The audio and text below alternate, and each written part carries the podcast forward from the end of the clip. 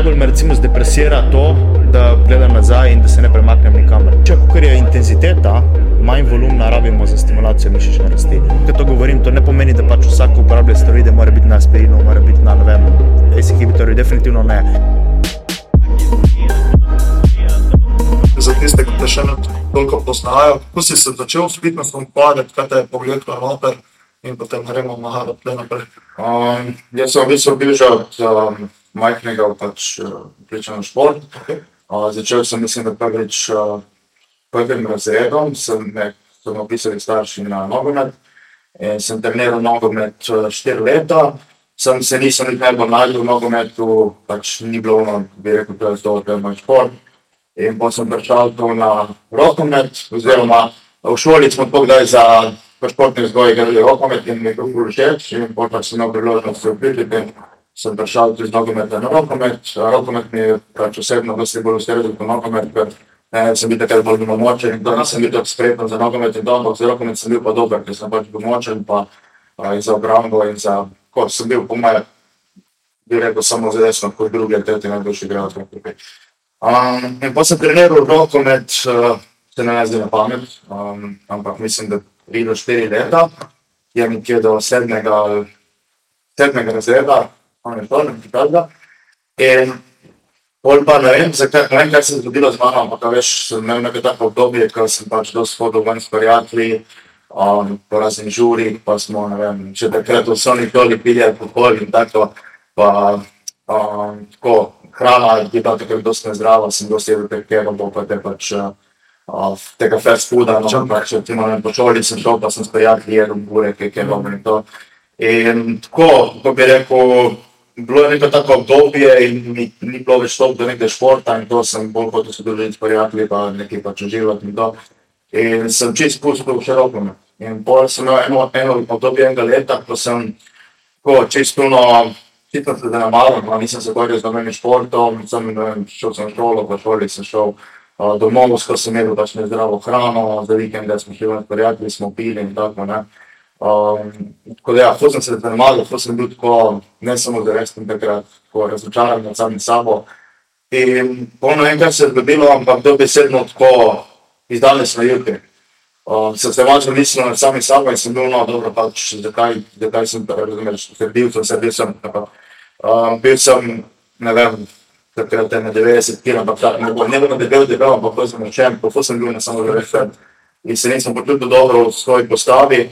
Um, in ne vem, tako, čez noč sem se odločil, no, da pač moram dosti spremeniti in sem komplet nehal s kakršnim koli kajenjem, alkoholom, čez noč. Uh, okay, nezdrava prehrana je bila, sem pa tja še kaj, ampak sem tako ful zreduciral in dejansko sem naredil neko tako ful drastično spremembo iz uh, danes na jutri. In mislim, da smo pač eh, takrat s prijateljem se zmenila, uh, da greva pač probati fitness. Umaknilo in sem si kupil mesečna karta, sem rekel, da probam, na začetku prve, ne vem, par tednov mi je bilo res ful muka hoditi, hoditi v fitness, ne, ampak jaz sem človek, da pač, kada nekaj rečem, rečem in se tega držim, ne. In Pol po par tednih, ko vidiš, da se pač na začetku, ko si pač eh, začetnik, ne se ti mišice odzovejo na vse, ne, in vidiš zelo hitro neke rezultate. In ko sem videl par tednih iz te rezultate, da sem ga ful maščobe izgubil, pa dobil na mišični masi, uh, sem bil na bo, to je to, to je to, kar pač hočem delati v življenju. In potem sem čist padel noter in sem čist, kako bi rekel, vzljubil ta šport oziroma pač fitness, bodybuilding, ne. In ja, tako sem začel. Mislim, da starega, kada sem začel fitness, sem bil star, zdaj ne vem na pamet, se ne točno spomnim, ampak mislim, da, je, bilo- da so bili se poletni počitnice iz 8. in 9. razreda osnovne šole. Tako da mislim, da je bil star 14 let. Ful zgodaj, ne, tako zdaj. Ja, Sploh takrat, uh, to je bilo, ki, enih slabih 8 let nazaj. Dobrih 8 Ja. let nazaj. Ja. Ker takrat ni še bilo, Ja, še manj osem- osem popularen. let nazaj. Fitness takrat še ni bil toliko popularen, ne, tako da so Ja, staro takrat, takrat, takrat je dejansko ni bil popularen fitness. Danes, če gledaš, pač vsak drugi človek hodi Ja, v ja. fitness in je to pač nekaj normalnega. Tudi muloti, ne, pač začnejo tam Ja, sedmi, ja, pač ljudje, ki razred. hodijo ne. vem, na osnovno šolo, pač je že, razumeš, neka navada, da vsi hodijo v fitness, ne, kar je super. Uh, takrat, ko sem pa jaz začel, pa je bilo to nekaj, razumeš, če si ti hodil v fitness, so te imeli že za nekega ono bodybuilderja in to ne, pač je bilo tako full. Um, ni bilo, ni bilo tako. Ja, ali pa so hodili samo športniki. Jaz recimo sem Ja, ja, treniral odbojko, smo hodili čez poletje, zaradi tega, ker smo se pripravljali za, na sezono. Smo zdaj prav, ali si bil bodybuilder, če si hodil v fitness, pa si bil športnik, športnik. ne. Tako Ja. da Zdaj se pa malo spreminja to. Ne. Ja, zdaj dobesedno skoraj vsak. Ja. fitness, ne. Se to je dobro, ne? pač, da se Ja, skrbi ja. za telo, Ja, logično. skrbi za duha in tako naprej. Ja. Da te pa recimo pole zanimal, prav začel zanimati prav bodybuilding, ker si tudi neki tekmoval. Bistvu tako? dokaj hitro. Jaz Hitro? Tako, vem, po mojem par mesecev sem hodil v fitness, takrat sem hodil v fitness, sem tako zaradi sebe, da pač o, pridem v neko formo, razumeš, da zgubim malo maščobe, da dobim malo mišične mase. In pol takoj, ko sem začel, ne vem, ko sem hodil v fitness, sem, razumeš, še sem bil full radoveden in sem tako sem full hotel se čim prej, čim več naučiti, da sem pač znal delati potem stvari in to.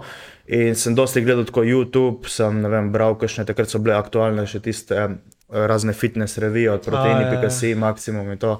In sem bral tisto, kar noter so bili kakšni na svetu in to in so vedno bili pač na slikah tisti bodybuilder in to. In pač jaz sem gledal te slike teh telesne in to in sem bil no pač. Um, Sem takoj, dokaj hitro sem pač prišel do spoznanja, da pač jaz tudi hočem izgledati tako mm. in da pač uh, bi se rad ukvarjal z bodybuildingom in to. Ne. In potem sem začel v bistvu počasi, vem, prve par mesecev je bilo še tako, tako ne, pač, ker nisem še tako padel noter ne, in to, in je bila tudi hrana še malo bolj tako, ne, ker niti nisem vedel, kako mm. razumeš. Takrat sem imel mišljenje, da recimo, če ti hodiš v fitness, da pol ni panike, lahko ješ pač kar hočeš in to. Ne. Um, ampak pol pač, razumeš. Dan za dnem, teden za tednom, mesec za mesecem, leto za letom, sem se pač vedno bolj izobraževal v, teh, v tej smeri. Ne. In pač nabiral neke izkušnje in neko znanje. Ne. In potem sem počasi, recimo, začel sem zelo počasi, začel sem s fitnessom, no, trikrat, štirikrat na teden. Um, potem sem začel počasi gledati na prehrano, prvo sem gledal, sem, da konzumiram dovolj beljakovin, potem sem počasi začel gledati na kalorije, potem sem počasi začel gledati na pač vire hrane, kaj jem, ne, da ne jem pač nekega junk fooda. Pa um, potem sem pač glede treninga in to uh, suplementacije. Pač Sčasoma sem se vedno bolj izobraževal in vedno bolj, kako bi rekel, um, vedno bolj striktno držal stvari. No. Kaj pa recimo, ko se ti je pole spremenil pogled na te reči? Recimo takrat, ko si enkrat začel, če začnemo nekje pri prehrani, a se ti je v tem cajtu, ki je spremenil pogled na prehrano in tako zdrava prehrana, bodybuilding prehrana, ali si je ostalo večinoma tiste temeljni so ostali isti? Kako gledaš na te reči? Mislim, dobro, zdaj na, glede prehrane se mi ni tako ful spremenil pogled, sem pač znanje sem dobil. Mm. Zdaj, jaz sem že na začetku vedel, da pač ne vem, da uh, mafini in oreo piškoti, da so to pač nezdrava hrana. Ne? In pač da je ne vem, neka solata, neko meso in to pač zdrava hrana. Ne? Um, tako da pač ne bi rekel, da se mi je nekaj prav drastično spremenil pogled na hrano, pač samo, kako bi rekel, pač dobil sem znanje. Več znanja. Ne? Ugotovil sem pač, kaj mi, kaj mi ustreza in kakšna hrana mi je za me najboljša. Ja. No.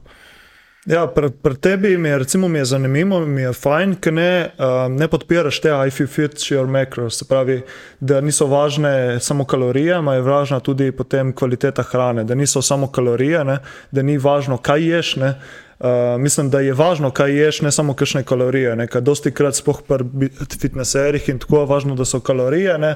Se če imaš vmes malo junk fooda, malo sladkarij, malo piškotu, malo tega, se vse uredi. Ne. Če si v okviru kalorijskega vnosa. ne. Ti smo, Ja. ti smo ziv, pa si malo proti, mislim, proti temu.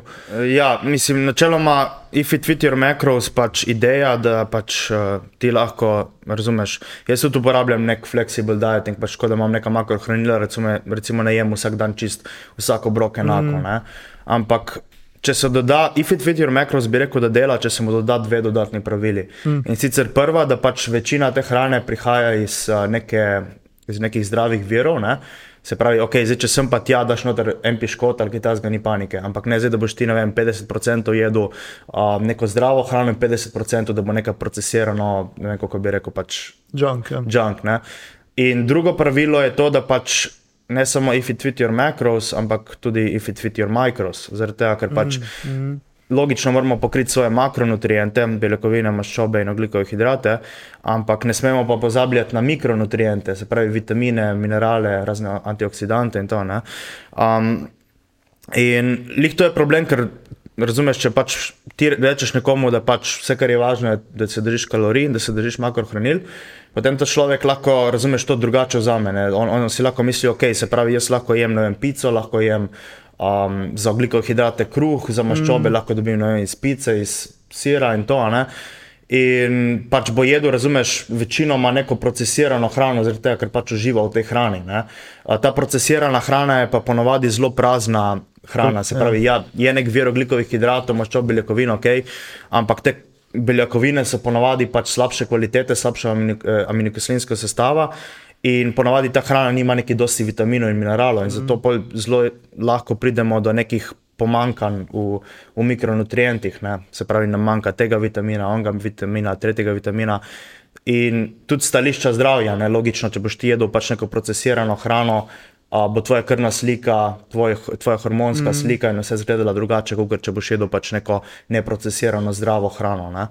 Um, tako da, ja, ifit Twitter Macros načeloma ni napačen pristop, če se mu doda tve, te dve pravili. Se pravi, kot sem rekel, um, to, da se pač šteje tudi mikronutriente in da, se pač, da si prepričan, da pokriješ mm. vse mikronutriente, in to, da večina hrane prihaja iz nekih pač zdravih virov, ne, mm. neke ne, neprocesirane hrane. Ja, ker dosti krat se prav pozabi, prav na vitamine, minerale. Ne? In pole mislimo, da okay, če bomo dali zraven kakšen mi- multivitamin, je že v redu, ampak ni jih tako. Ne? Pač, Ja. ni, pač, Okay, zdaj, multivitamini so načeloma kul, cool, samo zdaj spet odvisno od kvalitete multivitamina. Mm. Mislim, s tistem samo rešiš problem, ki je nastal zaradi slabe hrane. Ja, ne. mislim, na prvem mestu jaz vedno priporočam, pač ti pokri vse, kar lahko pač s prehrano. In pol, če ti slučajno kakšen vitamin zmanjka, in to pač itek ga suplementiraš. Ne? Ampak osnova ne bo pač zdrava prehrana, uravnovešena. Ja, točno to. Ne. Pa jaz bi dodal tle še zdraven, da se umakne vsa ta rastlinska olja. Se, recimo, vem, da tudi ti si dosti delil tega na Instagramu in to. Ja. Recimo, kakšna rastlinska olja, pa transmaščobe, tisto tudi v majhnih količinah, zdravo, kar zjebati in počutje in zdravje. Ne. Um, se do, je zmeraj več posameznikov, ko govorijo tega, ne. ampak še vedno, če imaš ti, recimo, se omenja kao princip 80-20, če jaz ti 80% zdrave hrane, je lahko 20% ostalega bullshit, ne? ampak ni jih tako, če imaš pa recimo full teh hidrogeniziranih maščob, rastlinskih olj in tes, ti bo prav zjebalo vse ne? in počutje, zdravje. Tako da je tudi tisto, se mi zdi pomembno na Ja, prehrani. to, ena to bi taka- se čist strinjal. No, pač.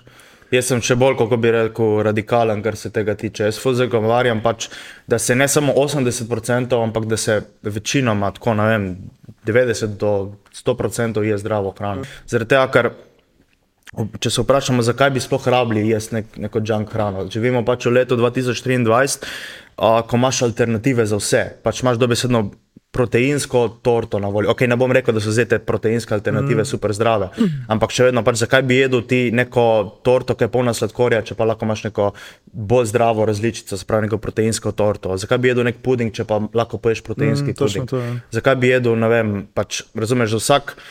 Zakaj bi pil neke sladke pijače, če pa imaš zero pijače na voljo? Mm. Spravi, kot sem rekel, nisem rekel, da so te stvari nujno zdrave, ne? ampak vseeno, pač, če že imaš za zbirati, greš pač s tistim, kar je bolj zdravo. Mm. In pri vsemu, kar imamo pač v 2024 na voljo, razne ne vem, zero pijače, proteinski pudingi, proteinske torte, sladice, vsega boga. Ne? Um, pač ne vidim sploh potrebe, zakaj bi sploh rabili dajati pač nek junk food v svojo prehrano. ne. Pač je večinoma res uno tisto zdravo hrano in posem pa tja si prvošči kako naj proteinsko čokoladico, mm -hmm. proteinski puding ali nekaj tasga. Ne. ne vidim pa potrebe, zakaj bi pač kdo rabil na dnevni bazi, ne, se pravi vsak dan recimo 20% svoje.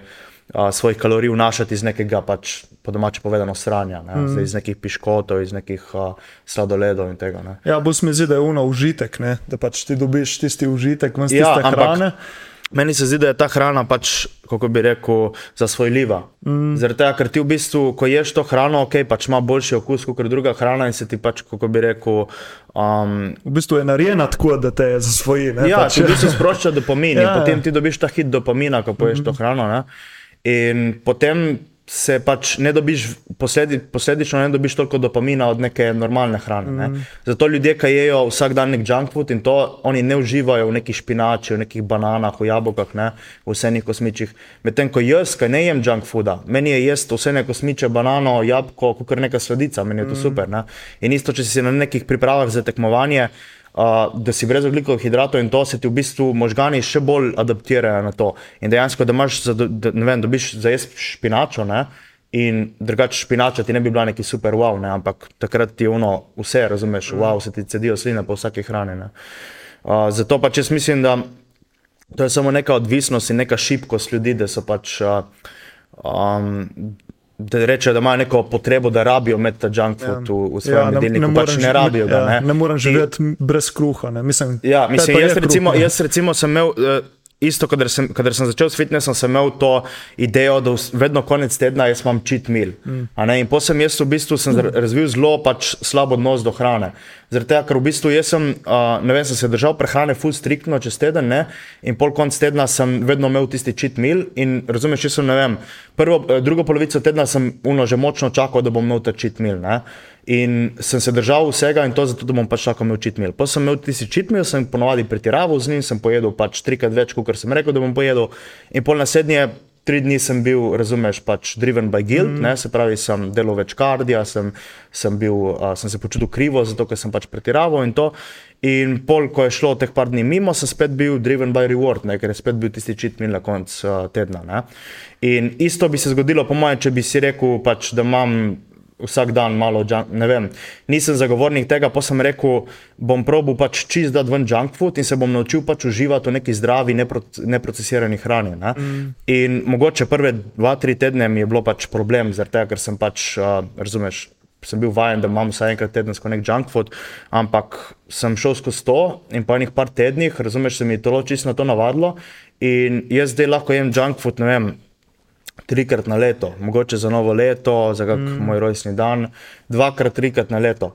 In ne zato, ker pač si ne bi mogel privoščiti, ampak zaradi tega, ker prvič ne vidim potreb, razumeš, pač se mi zdi nepotrebno, in drugič niti ne čutim želje po tem, razumeš. Pa ponavadi, ko se toliko odvadiš te junk Ja, še kadar se si toliko časa brez, dejansko začneš ful boljše, Ja. um, pač ful bolj uživati v neki zdravi hrani. Je- Tudi če imaš ti cheat meal, se ponavadi še slabše počutiš po njem, zaradi Ja. tega, ker vneseš toliko enega sranja noter v Ja, sebe. ja, ne. ja. Ja. Um, in, ja, in dejansko, pač, ko si nekaj časa brez, se navadiš in ti ni več problem mm. tega držati. Ne. Ja. Samo moraš odrezati, ne? Dosti ljudi se mi zdi, da ne pravil, za eh, dobro je, da odrezati, imaš ne. nek eh, pravilen pristop do prehrane. Se pravi, da ti sestaviš uh, svoje obroke čez dan iz hrane, katero ti pač ljubiš, katero rad ješ. Ne? Če boš ti jedel hrano, se pravi, zdaj govorimo o zdravi hrani, ne? ampak če boš ti jedel hrano, pač, v kateri uživaš, potem ne boš imel niti približno takih uh, poželjen po, nekim, po nekem junk foodu. pa To, ne. Zato je to ful pomembno, ker dosti ljudi ide na napako, ko se pač vržejo na neke diete, ne piščanc, brokoli in riž. In jim je dobesedno ogabno, in jim ne paše pač to jesti. In zato pač logično pride do nekih uh, goljufanj in to, kar pač ne zdržijo. Ne? Medtem ko če si pa ti sestaviš hrano, recimo, če tebi ni všeč piščanc, zakaj bi jedel piščanca? Mm. Pač imaš druge alternative, lahko ješ porana, lahko ješ vem, pusto govedino, lahko ješ ribo. Recimo ti ne všeč piščanc, ampak imaš pa ful rad porana. Ok, ne ješ piščanca, je porana. Puran, ne. Uh, recimo ti ni všeč riž, ampak imaš ful rad, ne vem, krompir ali pa ajdovo kašo. Ok, ne ješ riža, je krompir ali pa ajdovo kašo. Mm. Ne maraš špinače, ok, ni treba jesti špinače, je kako drugo zelenjavo, ne, kak brokoli, ne, ja. karkoli ti je pač všeč. Ne. In pač sestavi si svoj jedilnik ali pa pač jej hrano, katera zdravo hrano, neprocesirano, polno nutrientov, ne katera tebi pač dejansko ustreza, katero imaš dejansko rad mm. in v kateri dejansko pač uživaš. Ne. Ja. In če boš to delal, pač potem ne boš niti čutil potrebe po nekemu pač junk foodu in to. Ne. Ja. Ja, prehrana je kar zapletena, ali zaradi tega, ker je ful odvisno od vsakega posameznika. Ne. Pač neke splošne pravila so, ampak poleg pa itak moraš sam pri sebi pokapirati. Ne.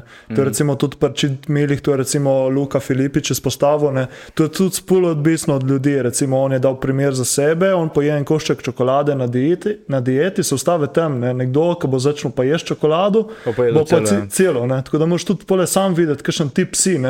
Uh, lahko vključiš neke take majhne do, ja, stvari. mislim, dobro, zdaj čokolada, če gledaš, če je neka pač bolj visoko procentna. Uh, se mi ne zdi nič tako Ja, je tam zdravega. Če, če, ti, 85, ja, če ja. ti poješ en koček, ne, to je Ja, ja, lahko ja. komot vključeno v pač, uh, tvoj dnevni jedilnik. Ne. Ampak zdaj ne vem, da bi pa jaz rekel, da moram pojesti tri gume bombone vsak dan. Zakaj bi to naredil? ne vem. Ja. Kaj, kaj dobrega naredim ja, s tem, razumeš? Ja. Ne, tako da to je res. Ja. Uh, prej si omenil sladke pijače in sladila. Jaz sem zdaj v zadnjem mesecu, po mojem, dubojenih pa že parkrat vprašanje, kaj glede sladil. Pa me zanima še tvoje mnenje. Pač jaz sem mnenja, da te sladila, umetna oziroma naravna sladila, dosti krat se omenja ta aspartam, da je kao ni, ni, ni v redu za zdravje, ampak se mi zdi, da pač če v normalnih količinah in če ti ne zlorabljaš, nima ki biti za zdravje. Pa me zanima še tvoje mnenje. Ja, v bistvu se strinjam s tabo. Pa če si tak strankam, tudi vedno rečem, pač uh, uporabljaj te stvari v neki zmernosti, se pravi, ne zdaj ne vem, namesto vode pit 5 litrov zero kole na dan. Ne? Ampak dokler pač ti imaš neko zmernost in to pač a, mislim, da s tem ni nič narobe, je spet odvisno od sladila. Ne? Imamo pač različna sladila, spartam, sukraloza, stevia itd. Ne? In pač ena so pač drugačna kot druga. Ne? Zdaj vem, da za nekatera velja, da pač lahko negativno vplivajo na prebavo in na pač a, človeško mikrobioto. Um, ampak jaz mislim, da je to pač ono, v primeru, da se pač pretirava. Ker jaz osebno, recimo, z uporabo sladil nikoli nisem imel nekih večjih težav. Ajde, ok, če sem pojedel vem, dva paketa čingumov naenkrat, ampak s kakšnimi zero kolami in to razumeš. Ne vem, če sem spil tam eno flaško, pol litra, en liter na dan, mm. nikoli nisem opazil nobenih težav, ne s prebavo, ne z ničemer. Um, Tako da, ja, pač mislim, da ta sladila so vse okay, ok, pač dokler se jih drži v neki meji normalno. Ja, ne. Ja ko si rekel, prav. Tudi, tudi ja. mislim, sem to, tudi Ja, mislim da sorry. so bili narejeni neki študiji na, na Spartamu. In dejansko, pač, če bi ti hotel, da bi ta Spartan bil za tvoje telo toksičen, bi mogel konzumirati res neke absurdno visoke mm. količine uh, zero kole. Mislim, da je bilo menjeno nekih 20 litrov na dan, kar bi po mojem prej umrl zaradi zaradi preveč, preveč tekočine, ne kot zaradi Spartama. Ne. Uh, tako da, ja, dokler se pač drži v, neka, v nekih mejah normale, če spiješ sem pa tja kako zero kolo ali kaj tasga, sploh ni panike. Ja. Ja, sedaj to sem ti izpostavil, da te študije o prehrani so, jih moraš res dobro pogledati. Kakšne tipe študije so, so res narejene na človeku ali so na, na podhanah oziroma na, miši, na miših, ne? pa tudi koliko količina so uporabljene, kot si rekel, ne? Zdaj, neke ogromne količine, tako da bojo naredile problem. Ne? In par, recimo jaz vidim pri sladelah, tisti, ki imajo ponovadi težave z napihnjenostjo, recimo kakšna uh, stevija oziroma sukraloza jih fulno napihuje. Ne? In zdaj, če imaš težave s tem, pole pač ni jih optimalno. Ja. Yeah. Bojiš, da reš pole nekakšne malo, manj nara, malo bolj naravna sladila, ali pa da pač navadne sokove, ne? oziroma da ne menjaš. Ne? Um, tako, prej si omenil pa še recimo dopolnila. Kaj recimo vidiš, kje vidiš vlogo dopolnil, oziroma se malo si že prej omenil, kje je kakšen pomen dopolnil in tako, pa recimo, da še malo več o tega poveš. Ja, zdaj, neka glavna vloga dopolnil, dopolnil bi rekel, da je pač um, filanje luken v prehrani. Se pravi, zdaj prvo, itak ti hočeš uh, pokriti čim več, kar lahko pokriješ s prehrano. Ne? In pol pa, če ti recimo nek, neke stvari manjka, ne pač suplementiraš. Recimo, en zelo pogost primer je ne vem, vitamin D3, recimo, mm. uh, oziroma pač vitamin D. Ne, uh, po zimi, v zimskem času, ko ni dosti sonca, ali pa pri ljudeh, ki so dosti za kakimi računalniki, pisarniško delo, ki niso izpostavljeni soncu, um, pač ga bojo zelo težko dobili dovolj. Ne. In prihra- s prehrano ga tudi ne dobiš tako dosti. Ne. Um, tako da v tem smislu je pač, v, v tem primeru je smiselno pač ga suplementirati. Ne.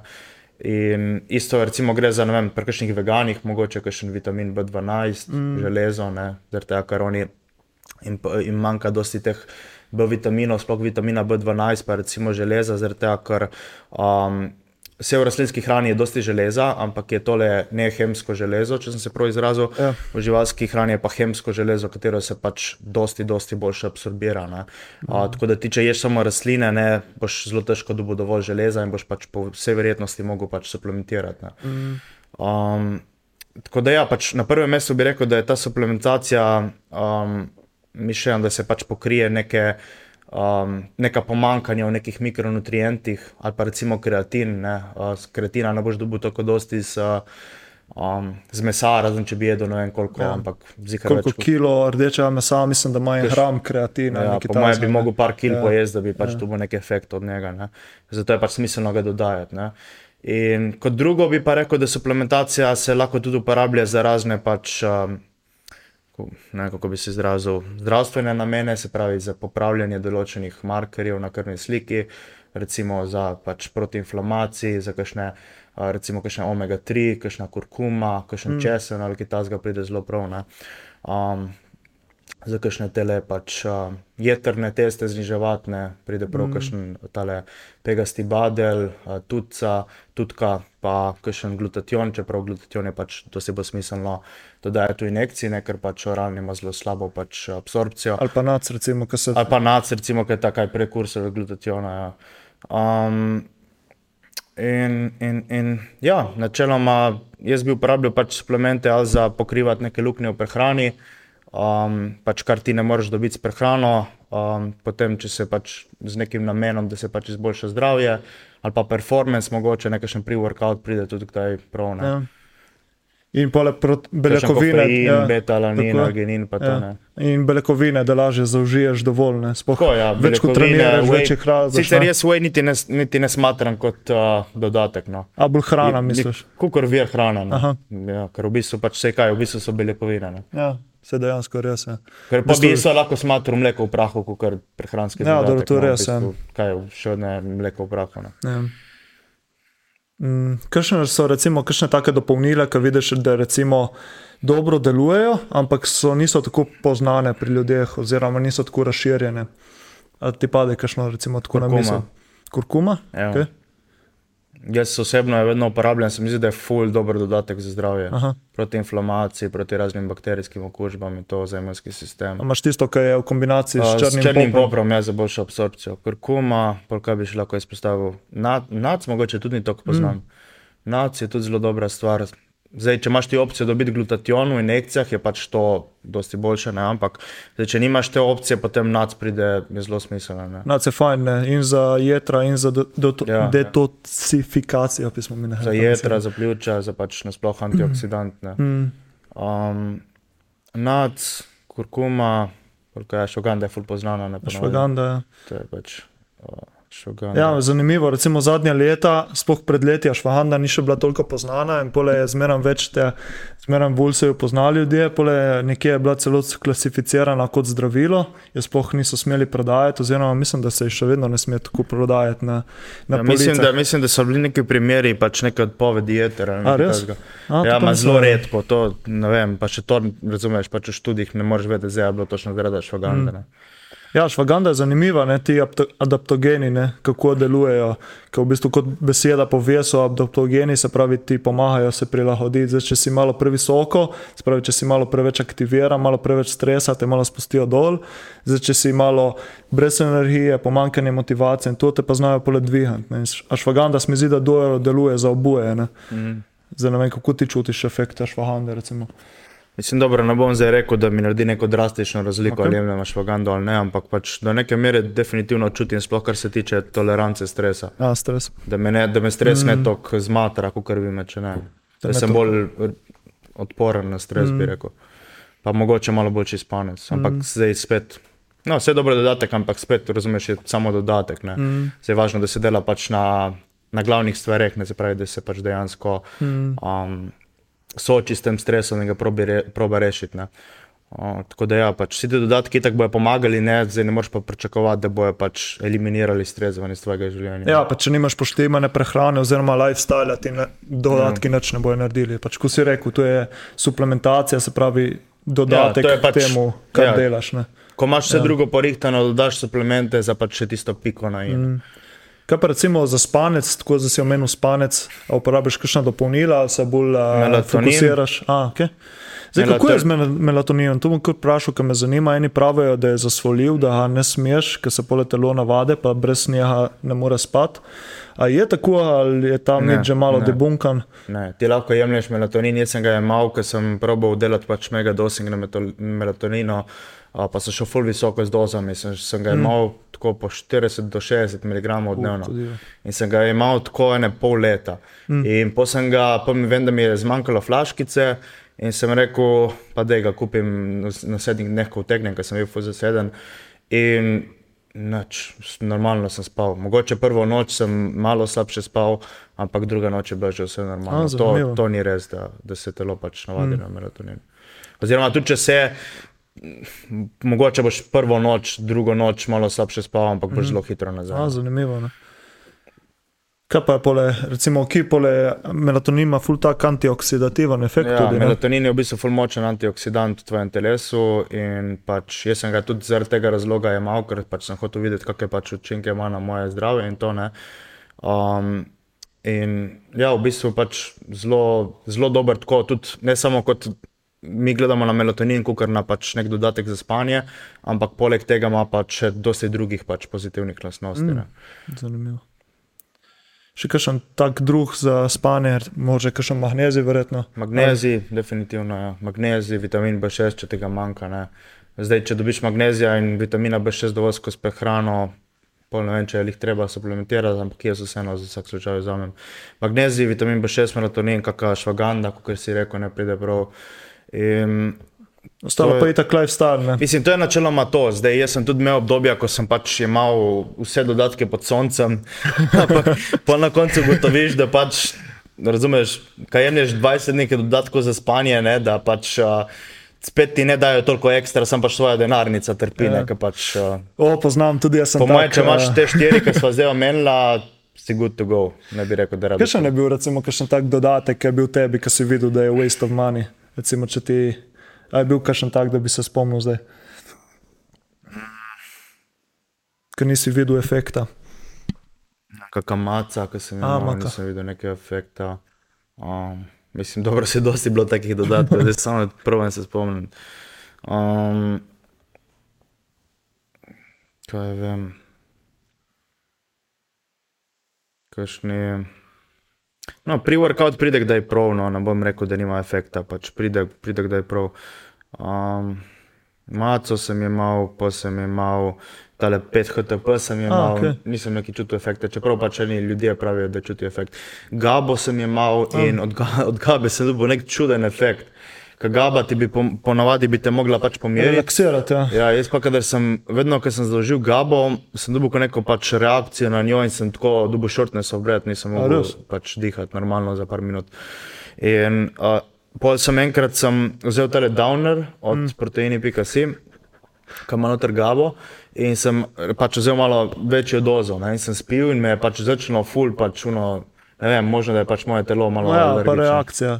A veš, da tu mi je tudi eden rekel, en bivši uh, soigralec pri odbojki, rekel, je bilo full tam. Tež, te, pač pestro obdobje, treningi, tekme skozi, sem šel proteine, sem rekel, dajte mi eno, je rekel, dajte mi eno stvar za spanje, so mi dali downer, je isto dvojna doza, zvečer preko spat spije in naredilo kontraefekt, ni zaspal celo noč. Ja. Tako da je prav zanimivo, mogoče je pa le kontraefekt uh, teh stvari ne, v kombinaciji. Vem, recimo neki cajt, tudi meni 5 HTP, mi ni pašel, ker mi je naredil tako, prav neko tesnobo. Ja, meni je Gaba naredila protestno. Mm. Ne, ne znam razložiti, zakaj. Ja, tudi jaz ne točno. Um, Kakšen je mehin- mehanizem od zadaj. Pač jaz ponavadi tako, razumeš, ti, ti dodatki so super, pač kakšen melatonina, šoganda, B6, pa magnezij, ampak vse drugo, razumeš, ljudje, pač hotel bi povedati ljudem, da pač ne rabiš vsakega dodatka pod soncem, ne, pač ti probej pač delati na stvareh, ki te ne stanejo, ne prvo se pravi, da pač pošti, poštimaš svoj, svoje probleme v življenju, da, vem, jaz sem recimo gotovo pri sebi, da bolj, ker se stresiram okrog spanja, slabše spim. Mm. Recimo, ko sem imel 20 dodatkov, dobro, ne 20, ampak ne vem, 8 različnih dodatkov za spanje, um, zato da bom boljše spal. In sem pač, razumeš, jaz sem si dal glavo, da okay, moram popraviti svoje spanje. In sem gledal čas, ok, moram iti ob tej uri v poslo, moram spati Mogoče še 8. ona očala, Mo- Ja, ja, ja, očala sem si kupil, blue light blocking glasses sem si kupil. Uh, sem se, nisem gledal telefona in televizije dve uri pred spanjem. Uh, delal sem meditacijo pred spanjem, in potem sem se ulegel v poslo in nisem spal celo noč. Po pa sem, po pa sem enkrat, sem, mi je čisto uno dosadlo, pa sem rekel, bah, lej, priga me. In sem nehal vse to, sem, razumeš, začel gledati televizijo pred spanjem in lepo zaspim pred televizijo. In to je zdaj moja rutina, ponovadi jaz vedno pred spanjem gledam ali nekaj na Netflixu ali nekaj in tako najboljše zaspim. Zdaj vem, da eni pravijo, da je pač to slabo, ker je pač um, izpostavljenost modri svetlobi, ampak uh, za me to najboljše dela. Tega, ker kot sem rekel, bolj ko se nekaj stresiramo okoli spanja, bolj ko nekaj pač um, dajem neka pravila za spanje in to pač slabše na koncu spim, ker sem samo živčen okrog spanca. Ne? Medtem ko recimo, ko si dam nek film na televizijo, ali pa na telefon, pa nekaj gledam, razumeš, malo odklopim svoje možgane. In ne toliko mislim, ker sem skozi, razumeš, skozi analiziran stvari, skozi mislim, kaj moram delati in to. Ne? In ko gledam kak film ali nekaj, se mi pač možgani malo odklopijo in pač vratam za spanje prosto zaspim. Mm. Ja, se to me tudi zanimalo, recimo, kako, kako loviš ti ta balans, pravi, itak poznamo, vem, vem, da si full zaposlen, imaš full strank, zdaj pa fitness, pa biznis, pa vse te stvari. Kako nekako provaš ujeti ta balans, se pravi, med delom, pač itak ta balans je malo taka beseda, work-life balance, ni vedno tako, ampak recimo, kaj so neke stvari, ki tebi recimo Ja, te zdaj, kot si rekel, pač balans. Um, če ti hočeš nekaj velikega doseči v življenju, pač ne moreš živeti v balansu. Ne moreš reči, da boš pač delal šest ur na dan, potem počival šest ur, gledal serije šest ur. ne. Um, pač, če ti hočeš pač biti boljši od ostalih in nekaj pač realno doseči, moraš uh, pač iti all in. Ne. Razumeš? Pač jaz dejansko, um, vedno ko imam čas, pač jaz delam od jutra do večera, razumeš? Mm. In potem še le zvečer, tam okrog 8, si privoščim pogledati kak film ali po- pogledati malo PlayStation. Ampak večino časa sem pač v delu, zaradi tega, ker vem, da pač več, ko bom vložil noter truda, več bom dobil ven. Ne? In ja, ne vem, kaj ne rečem. Pač, um, človek, ljudje ponavadi iščejo ta balans za izgovor, razumeš? Pač, ampak dejansko resnica je, če pač ti hočeš nekaj velikega doseči, ne, um, moraš pač vložiti noter trud. Ja, sploh na začetku, ne? sploh če začenjaš, bolj ko si na začetku, več moraš vložiti truda noter. ne. Ja. Ja. In, uh, ja, se mi zdi, da je ta polarnost. Uspešni ne. ljudje, večina ja. uspešnih ljudi, razen ne vem, en na vsake toliko, ki zmaga v kazinoju ali pa po- podeduje. Ne? Ja. Ampak večina uspešnih ljudi je pač marsikaj žrtvovalo, zato da so tam, kjer so danes. Mm. In so ne vem, žrtvovali svoje socialno življenje, so se dali v delo in so po par let pač drž grindali. ne. Kaj je neka taka stvar, ki recimo tebe puša naprej? Ki imaš zdaj, recimo, kakšne motivacije, globoke za naprej, Uf. za cilje in tako. Mislim, jaz se ne orientiram po motivaciji. Jaz se, a se zjutraj zbudim motiviran, a se zbudim nemotiviran, a se zbudim vesel, a se zbudim totalno žalosten, um, vedno bom naredil isto delo v dnevu. Se pravi, imam neke, neke opravke, ki jih moram narediti v, de, v dnevu. In vse bo narejeno, a sem vesel, a sem žalosten, a sem motiviran, a sem nemotiviran. Motivacija je pač, po motivaciji se ravnajo pač šibki ljudje. Mm. Ti, če hočeš biti močen, če hočeš priti do svojih ciljev, se ne moreš ravnati po motivaciji, ampak po disciplini. Um, ker če se boš ravna- ravnal po motivaciji, razumeš, pol boš vem, en dan delal, pol dva dni boš nemotiviran in boš iskal izgovore za to, da pač ne delaš, ker pač si boš rekel, jaz sem ne- nemotiviran. Ne? Um, zato pač moraš razviti neko disciplino in pač vedeti, da imaš neke visoke cilje pred sabo in če hočeš priti do teh ciljev, moraš pač delati, razumeš na njih. Pravi so ti bolj nek zagon, oziroma tisto, kar te potiska naprej, so ti tudi cilji. Ali kako? Ja, jaz sem Ja. pač ful ambiciozen človek. No. Aha. In imam pač neke visoke cilje in pač kar hočem v življenju, je doseči te cilje. No. In sem pripravljen marsikaj žrtvovati, zato da pač pridem do teh ciljev. No. Mm. Jaz ne vidim nekega užitka, ok, sem pa tja, ko si zaslužim, ja, ampak zdaj ne vidim nekega užitka, da pač neki ful hodim na neke žure okoli, pa to ne. Jaz dejansko dobim užitek v nekem napredku, se pravi v tem, da pač na vseh področjih v življenju vsak dan postanem malo boljši. In da delam na sebi, in da stremim k tebi, da postanem pač najboljša verzija, najboljša možna verzija samega sebe. Ne. In to je to, kar mi v bistvu pač daje nek zagon in neko srečo v življenju, ne. pač napredek. Sploh pa poleg, ki ti rata proces, ki ti rata užitek samo ja, Ja, sebi. najbolj, ne. najbolj me recimo zdepresira to, da pogledam, ne vem, da 3-4 mesece, da gledam nazaj in da se ne premaknem nikamor. Pač jaz moram vsak mesec moram biti malo boljši od eh, prejšnjega mm. meseca. Ne. Kaj so recimo zdaj kakšni taki osebnostni cilji, ki jih imaš, ki niso tako O. vezani še na fitness, fitness mahar bomo malo pol pole. Mislim, zdaj trenutno mi je moj glavni cilj moj biznis, mm. ker pač bi si rad ustvaril um, neko finančno svobodo, da ne rabim, razumeš, da pač sem tako svoboden, da me ne rabi sploh skrbeti glede pač teh osnovnih življenjskih stvari. In da lahko, da imam več denarja za investirati v, v sebe in v svoj biznis, in da lahko pol še, še večje stvari dosežem. Mm. Tako da zdaj trenutno mi je pač moja glavna prioriteta, pač poleg fitnesa, um, moj biznis. kaj bo čez, mogoče čez deset let, bo po moje ta prioriteta bila neka Sigurno družina drugače, in to. ja. Ne? Ampak zdaj trenutno mi je pač karijera, biznis, to mi je prioriteta. Kaj pa prej si omenil, In neka reci- pač ja, osebnostna sorry, rast, fitness in to. Ja. Ne? Točno to sem te hotel vprašati. Delo na sebi, osebnostna rast, kaj to pomeni za te? Oziroma, kako delaš ti na tem? Ja, zdaj to je pač, jaz delam na tem na več področjih. Ne. Zdaj prvo je pač neka, neko telo, neka postava, kar je pač fitness, ne. to je pač ti da nek, uh, nek vizual, uh, nek, um, neko moč, razumeš, neko samo, samozavest in to. Mm.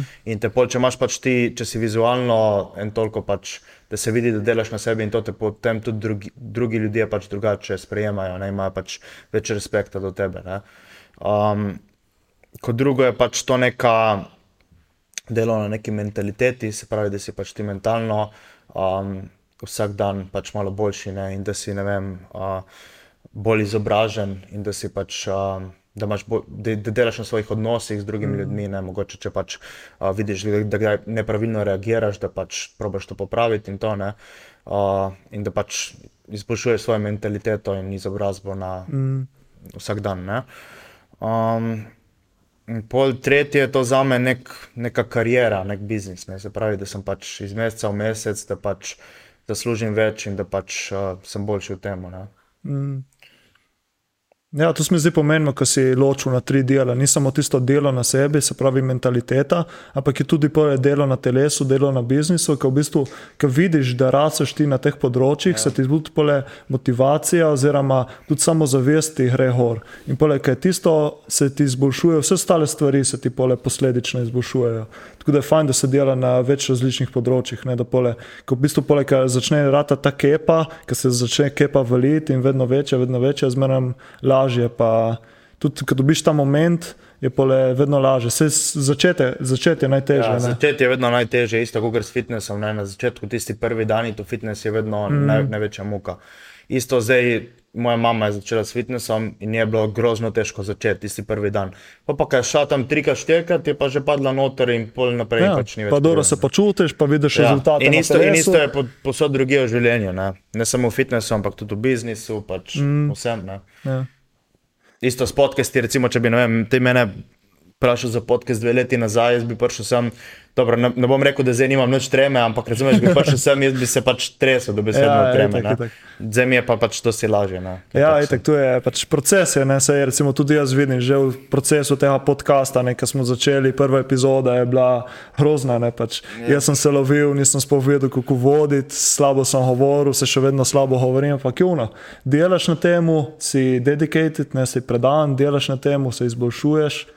In zmeraj boljše, ne? tako da se strinjam glede tega. Ja.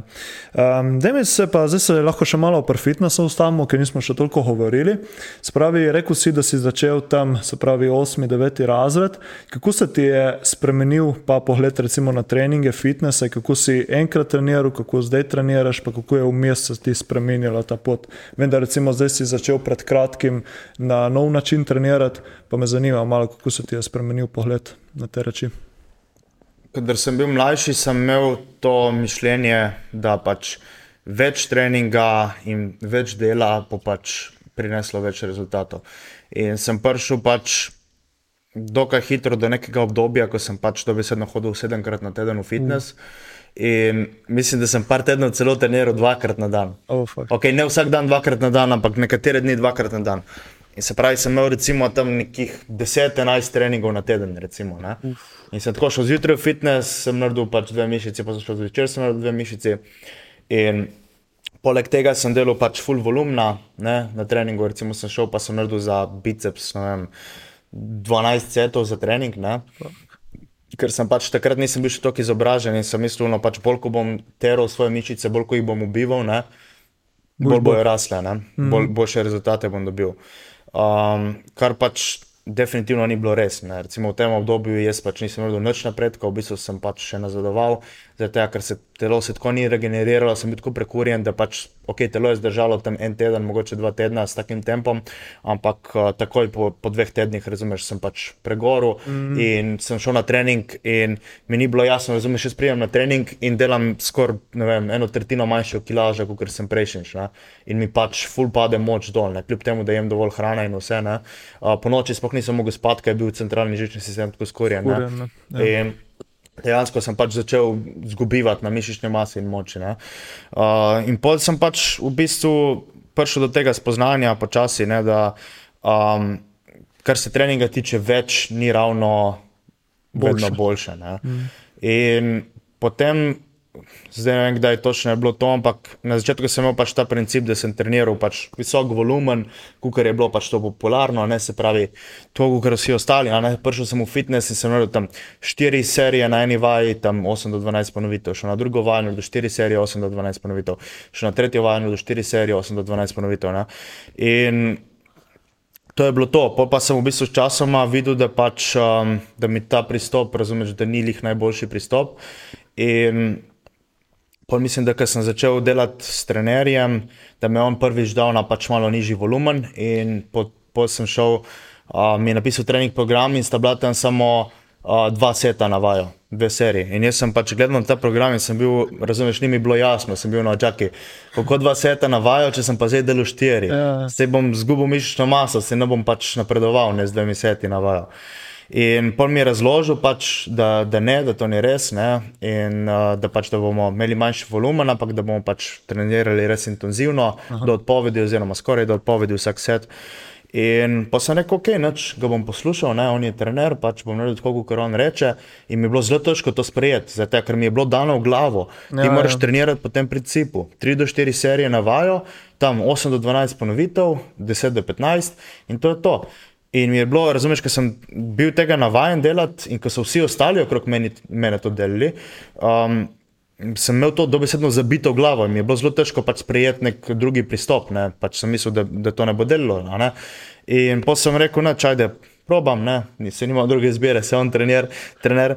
Um, in kar naenkrat sem pač dobil neke super rezultate od tega. Ne? Pač sem videl, da mi je mm. moč šla dosti bolj gor, da sem se regeneriral boljše da je mišična masa začela rasti. In potem sem v bistvu treniral s tem principom, zdaj že par let, delal sem tam dva seta, max tri sete na vajo. In po ko sem z leti, razumeš, pač razvil neko boljšo tole. Pa gledaš, ko mind muscle connection, ne, povezavo med eh, mišicami in možgani. Uh, in ko sem začel trenirati, resno, full intenzivno, ne, se pravi, vsak, vsak set do odpovedi, oziroma kdaj celo čez, um, sem prišel do spoznanja, da pač mogoče je še to, kar delam jaz, pač preveč volumna in da bi mogoče naredil boljši napredek s manj volumna.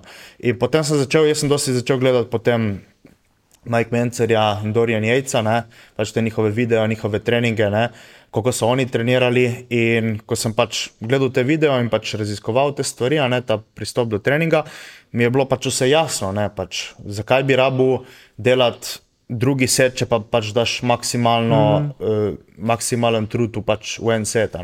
Ker pol vsak dodaten set, ok, stimulira malo več rasti, mogoče, ampak za stimulacijo teh, te malo več rasti si narediš ti dosti večjo luknjo v regeneraciji in se boš potem posledično slabše regeneriral od tega treninga.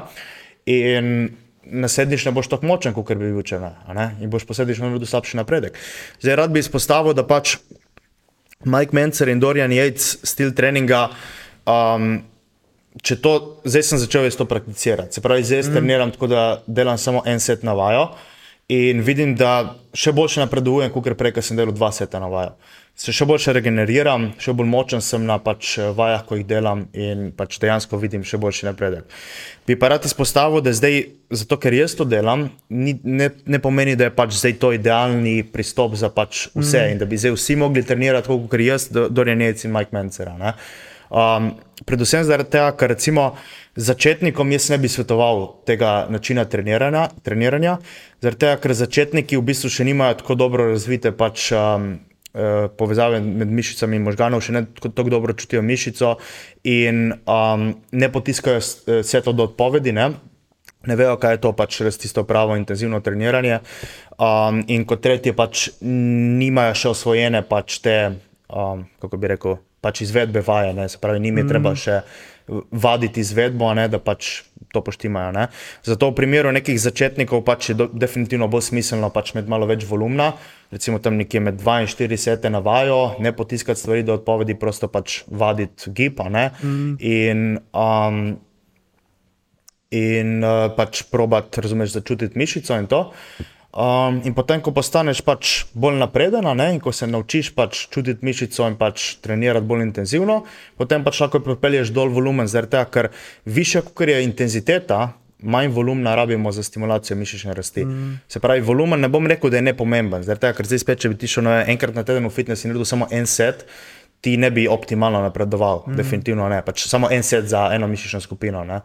Um, Ampak um, volumen je pomemben, ampak je pomemben do neke točke. Ko pre, presežemo to točko, v bistvu pridemo, neko, um, pridemo do nekega junk volumna, se kliče. Se pravi, ko delamo neka, e- neke ekstra sete, neko ekstra delo, katero ne stimulira nobene dodatne rasti, ampak ustvarja dosti večje pač luknje v regeneraciji. ne. Regeneracije. Ne?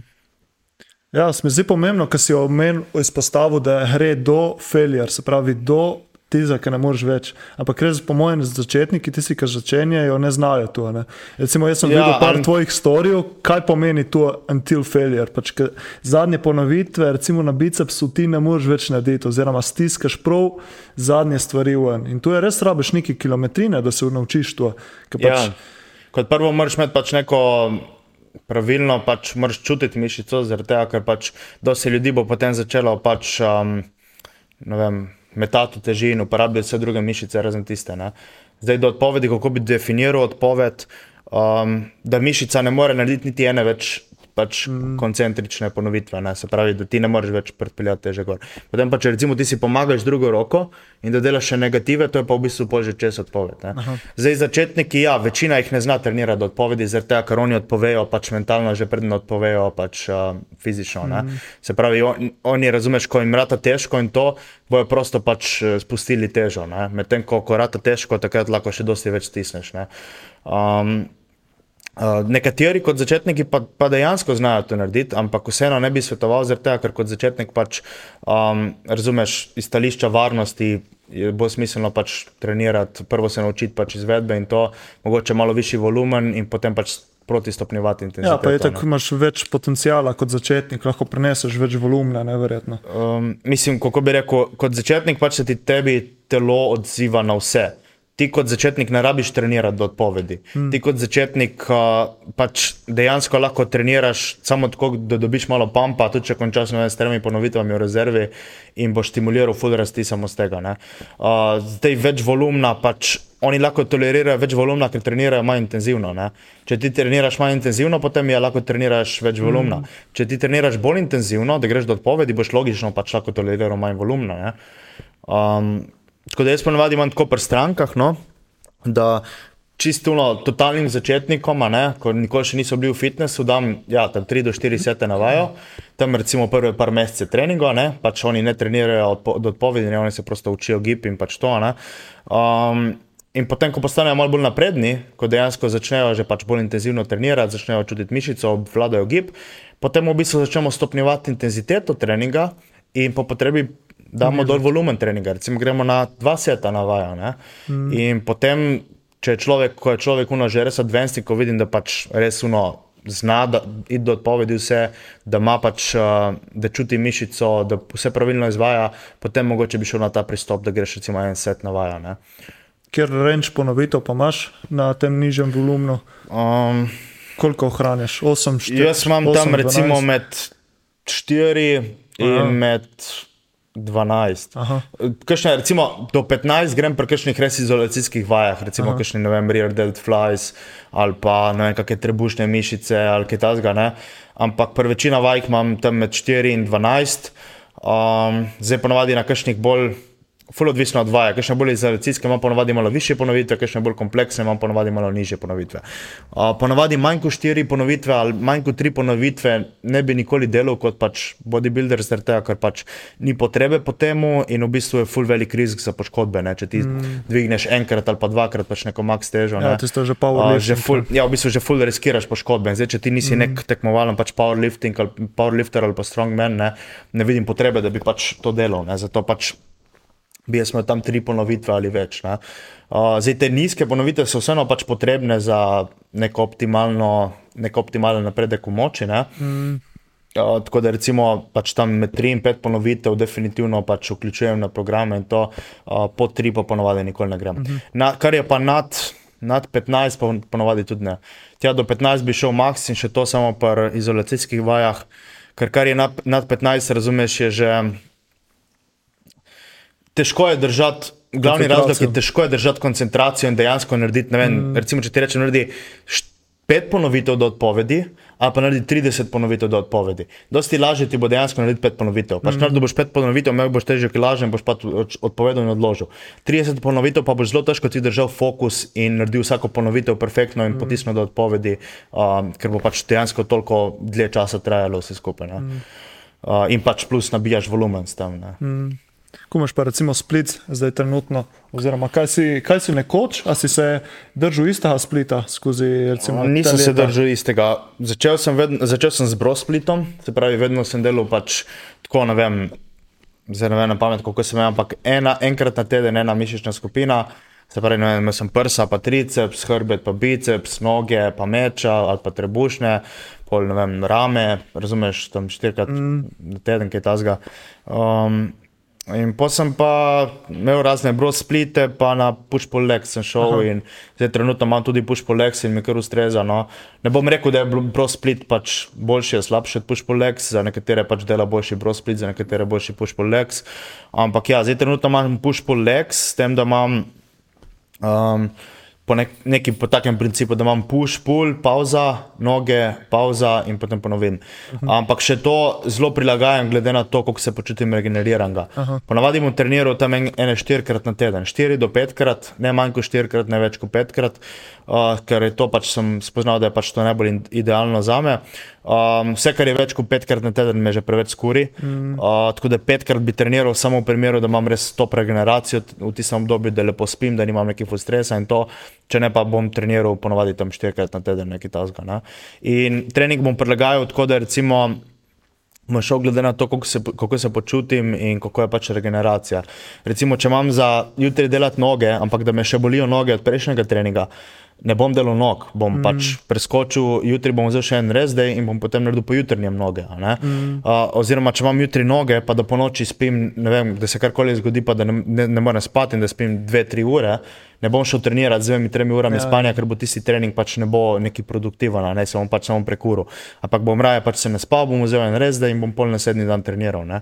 Uh, tako da, kako bi rekel, dosti bolj pametno treniram zdaj, zaradi tega, ker um, Sej to pač razumeš, ko imajo ljudje pač to mentaliteto, brez rezdejev, ja. pač razumeš, kako so oni hardcore in to. Um, to vse razumem, ampak pač to ni pravi pristop do bodybuildinga. Ne? Če ti hočeš narediti optimalne rezultate, moraš narediti to, kar je pač potrebno za narediti optimalne rezultate.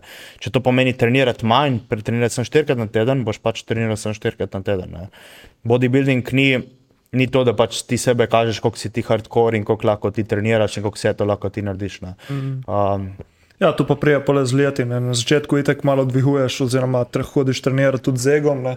Z leti pa pole vidiš, da ni vse samo ego, pa je boš kdaj si vzeti fraj. Narediš boš, če si vzameš fraj dan, pa Ja. greš malo počivati, pa da greš na trening. Ja, recimo, ne. sem imel dosti take primere, da recimo, ne, sem bil mlajši, ne vem, sem prejšnjo noč nisem mogel spati, sem bil čist prekurjen, sem bil zmatran in sem šel delati noge.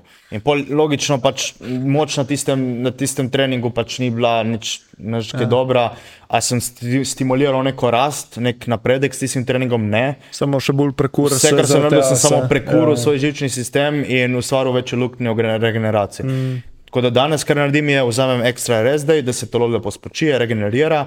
In ko sem šel, da sem mu lepo regeneriran, spočit, grem trenirati. ne. Mm. Ja, to je res uh, ful pomembno. Se mi zdi pomembno, da si tu vzpostavil tudi recimo za mlajše, če bojo tu poslušali, gledali, pač ne trenirati z egotom, ne trenirati zase Ja. in tako naprej.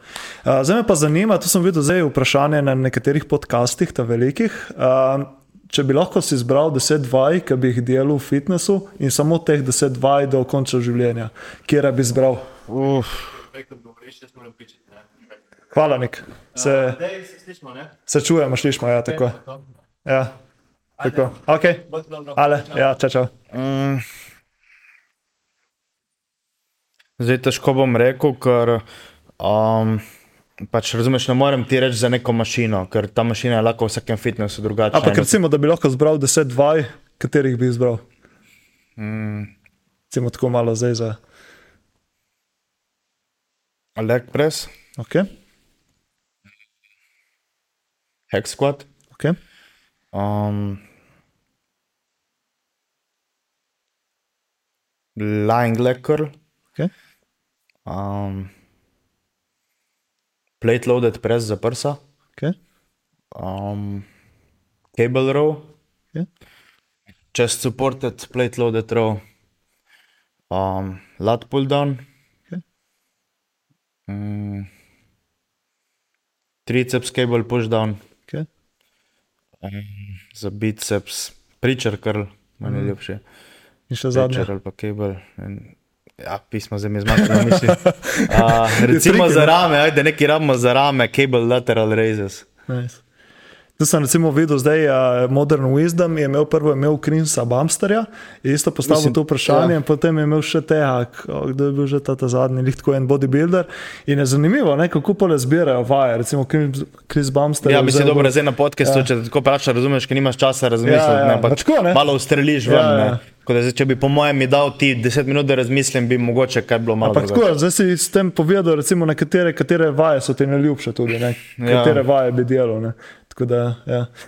Um, tako, zdaj me pa recimo zanima pri coachingu. Zdaj vemo, da imaš full, aha, full coaches ljudi preko spleta, online, prehrana, fitness. Pa me zanima, recimo, kakšni so taki največji izzivi, ki jih vidiš, da jih imajo stranke in z, po, z področja fitnessa, Oh. prehrane, lifestyle. Če ti pride nekdo k tebi že na začetku, pač čez nekimi zmešanimi hormoni, pa prebavo in to, ne, to je ponavadi najbo, najtežje. Pač, mm.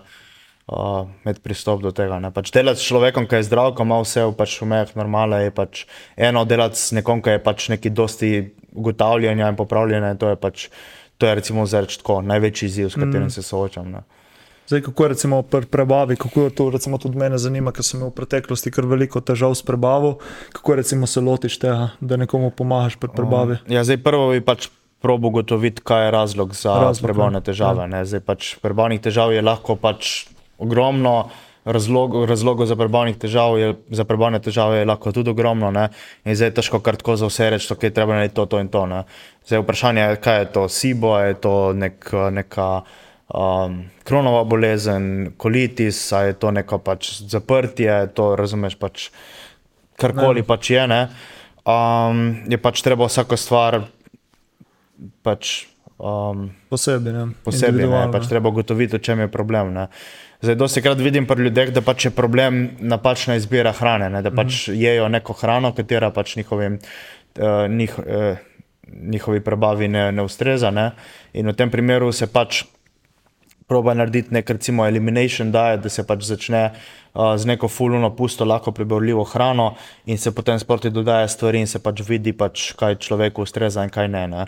Um, tako da dosti je pač v izbiri prehrane, ne vedno podarjam, da pač ne smem, pač boljše, da ne jemo hrane, katere pač ne dobro prevaljamo, mm. in da pač jemo hrano, katero pač lepo sprejemamo to. Ne. Um, zdaj, odvisno, kaj, kak je vzrok na ful, tako zelo drugačni pristopi so pri vsaki mm. stvari. ne. Ja. Zdaj, če se gre za neko kronično vnetno črevesno bolezen, pač logično je treba tudi nek, um, uh, kako bi rekel, pač nek pristop, mogoče z nekimi zdravili ali pa zdravniki in to, ne se, si pomagati med sabo in to. Um, ful odvisno od, pač od prebavne težave do prebavne mm. težave. Težko rečem zdaj tako, kako bi pač us- Je pa dosti krat saj vidim, recimo, kar jaz poznam te stvari in kar sem jaz sam raziskal, je dosti krat nek vzrok od zadaj. Pač niso same prebavne težave, težava, ampak mm. je nekaj od zadaj, ali je to stres, ja. ali so to kakšne intolerance ja. na hrano. Kakšne disbiose, ja, pač, disbioza teh, in tako naprej. Bakterije. Ja ki pa je v bistvu napenjeno, napihnjenost, driska in vse, recimo brain fog in to, to so pole samo pogosto posledica, ne. mm. nekaj je že te globega vzroka. Ne. In fajn ja. priti pole do vzroka ne, in pole se dela na tem. Tako da mi je fajn, da si to omenil. Um, tu vam pole si prej omenil še recimo hormone, kaj pa recimo, kako vi, kakšne težave imajo stranke s hormoni, kako si mislil? Je recimo, dosti moških ima pač nizek testosteron. Recimo, okay. To sem doskrat videl. Pač. Um, in pač recimo oni grejo zdravnici ne? in ona jim, razumeš, ona reče, ja, pač je zdravo, pa treniraj in pač to je to, ne, pač mm. ne, ne naredi nobenega posega. Kar, kar do neke mere se pač strinjam, ne? zdaj na začetku logično ti pač uh, probaš stvari optimizirati pač po naravni poti. Ne? Se pravi, da probaš uh, s prehrano, da probaš uh, z izboljšanjem pač življenjskega sloga, ne? da probaš s uh, treningom in to s kakšno naravno suplementacijo. Uh, uh, kar se dosti krat pač da popraviti. Jaz sem že par strankam, ki so imeli nizek testosteron, sem jim pač uh, dvignil testosteron, full pač samo z naravnimi stvarmi. Razumeš, samo s tem, da smo recimo vem, izločili pač uh, procesirano hrano, katera mu je pač mm. ubila testosteron. Uh, Probo je pač več spati, da smo dobili boljši spanec, uh, dodali smo pač vitamin D, ki mu ga je pomankalo, nekaj cink, mm. uh, magnezij. Um, Zvišali smo pač zdrave maščobe v prehrani, nekaj so pač nek ja. material za izgradnjo testosterona. Recimo, prej si omenil prebavo, ne boš, ko je prebava, lažje se bojo absorbirale stvari, sploh maščobe. Ne, ja, pač več, vse gre z roko v roki. Ja, z roko v roki. Spravi, boš prebava, boš absorpcija maščob, več, več testosterona. Tako, recimo, pri moških je to pogost uh, problem, kak nizek testosteron, pri ženskah je zelo pogosta kakšna počasno delujoča ščitnica, uh, pri kateri pa več kot toliko pač ti po naravni poti ne moreš narediti, dosti krat pač treba prosto iti do zdravnika. Mm. Sploh če imaš ti genetsko ta problem, ne? pač se lahko malo se igraš okoli s hrano, pa gledaš, če je mogoče pač stranka, da je primankuje jod ali kaj tasga, ali pa da je mogoče predolgo na preniskih kalorijah, ampak uh, več kot toliko pač tudi ne moreš vsega samo mm. skozi prehrano popraviti. Mm. Včasih je pač potrebno iti do zdravnika in pač potrebno kakšno zdravilo tudi vzeti prvo po naravni poti, in potem, če ne gre, se ja. pole odločiti za razne druge terapije. Tako je, tako je ja. vedno pač pravi pristop, da ti prvo probaš rešiti stvari pač po naravni poti z razno prehrano, uh, prilagoditvami življenjskega sloga treningom, razumeš, suplementacijo in to. In pol, če to ne dela, pač potem probaš še druge stvari. Ne? Ja, ker recimo vidim, da dosti krat te mladi sprašujejo, ne, da se razmišljajo o raznih testosteronskih terapijah, TRT, mm. pa recimo kakšni cikli, pa recimo tvoje ja. mnenje glede tega. No. Mislim, to je pač pri mladih vzrok on, on ne pride te vprašati za razne. Jaz imam vsak dan mlade, ne vem, 16-17 let stare, ki mi pišejo na Instagram, uh, da bi oni pa začeli hormonsko terapijo. In pač povej mi direktno, ti hočeš pač narediti kuro steroidov, ti nočeš hormonsko. Ti pač, hočeš, ja, nekoga, pač, da ti pač, potrdi, razumeš, da ti lahko greš. Ja, ja, in potem oni probojajo po, vse, po vseh pot, poteh najti nek razlog, zato da bojo rekli, ok, jaz rabim hormonsko terapijo. Uh, kar pa poveč, razumeš, pač večina ljudi tega ne rabi, ne, pač zdaj, to je ponovadi sem izgovor, zato da pač oni lahko jemljajo steroide. Mm. Um, zdaj, kar se tiče pač hormonske terapije, v bistvu hormonska terapija se pač predpiše ljudem, uh, ki imajo pač naravno nizek testosteron in katerega se pač po naravni poti ne, ne more dvigati. Mm. Um, In zdaj pri mladih je to pač ful popularno, da pač so vsi že pri 16 letu na testosteronu. Dobro, se zdaj ne bom jaz preveč obsojal, ker sem bil pač podoben. Jaz sem tudi zelo, zelo zgodaj začel s temi stvarmi. Jaz sem, začel? jaz sem začel pri 18 letu starosti. Takoj, ko sem na to polnoleten, uh, sem začel. Um, odločil sem se za to, pač, predvsem zato, ker sem začel trenirati ful mlad, že pri 13-14 letu starosti. In po par letih treninga pač definitivno nisem dosegel naravnega potencijala. Definitivno, če bi treniral še naslednjih pet let, bi zihar še pač naredil napredek. Ampak pač vse veš, kako je. Ne? Pač ti, ki toliko let treniraš, ne recimo, ok, prvo leto ni bilo to resno, ampak pol naprej par let sem resno treniral. Uh, ko toliko treniraš in pač prideš do neke točke, ki pač enostavno. Um, ne vidiš nekega napredka. Pač ti imaš hrano na 100%, ti imaš spanec uh, poštiman, ti imaš um, suplementacijo, imaš um, treninge, vse na 100% in vlagaš toliko enega truda noter. In zapravljaš po mesece in mesece in mesece, zato da narediš neke minimalne spremembe na svojem telesu. Mm.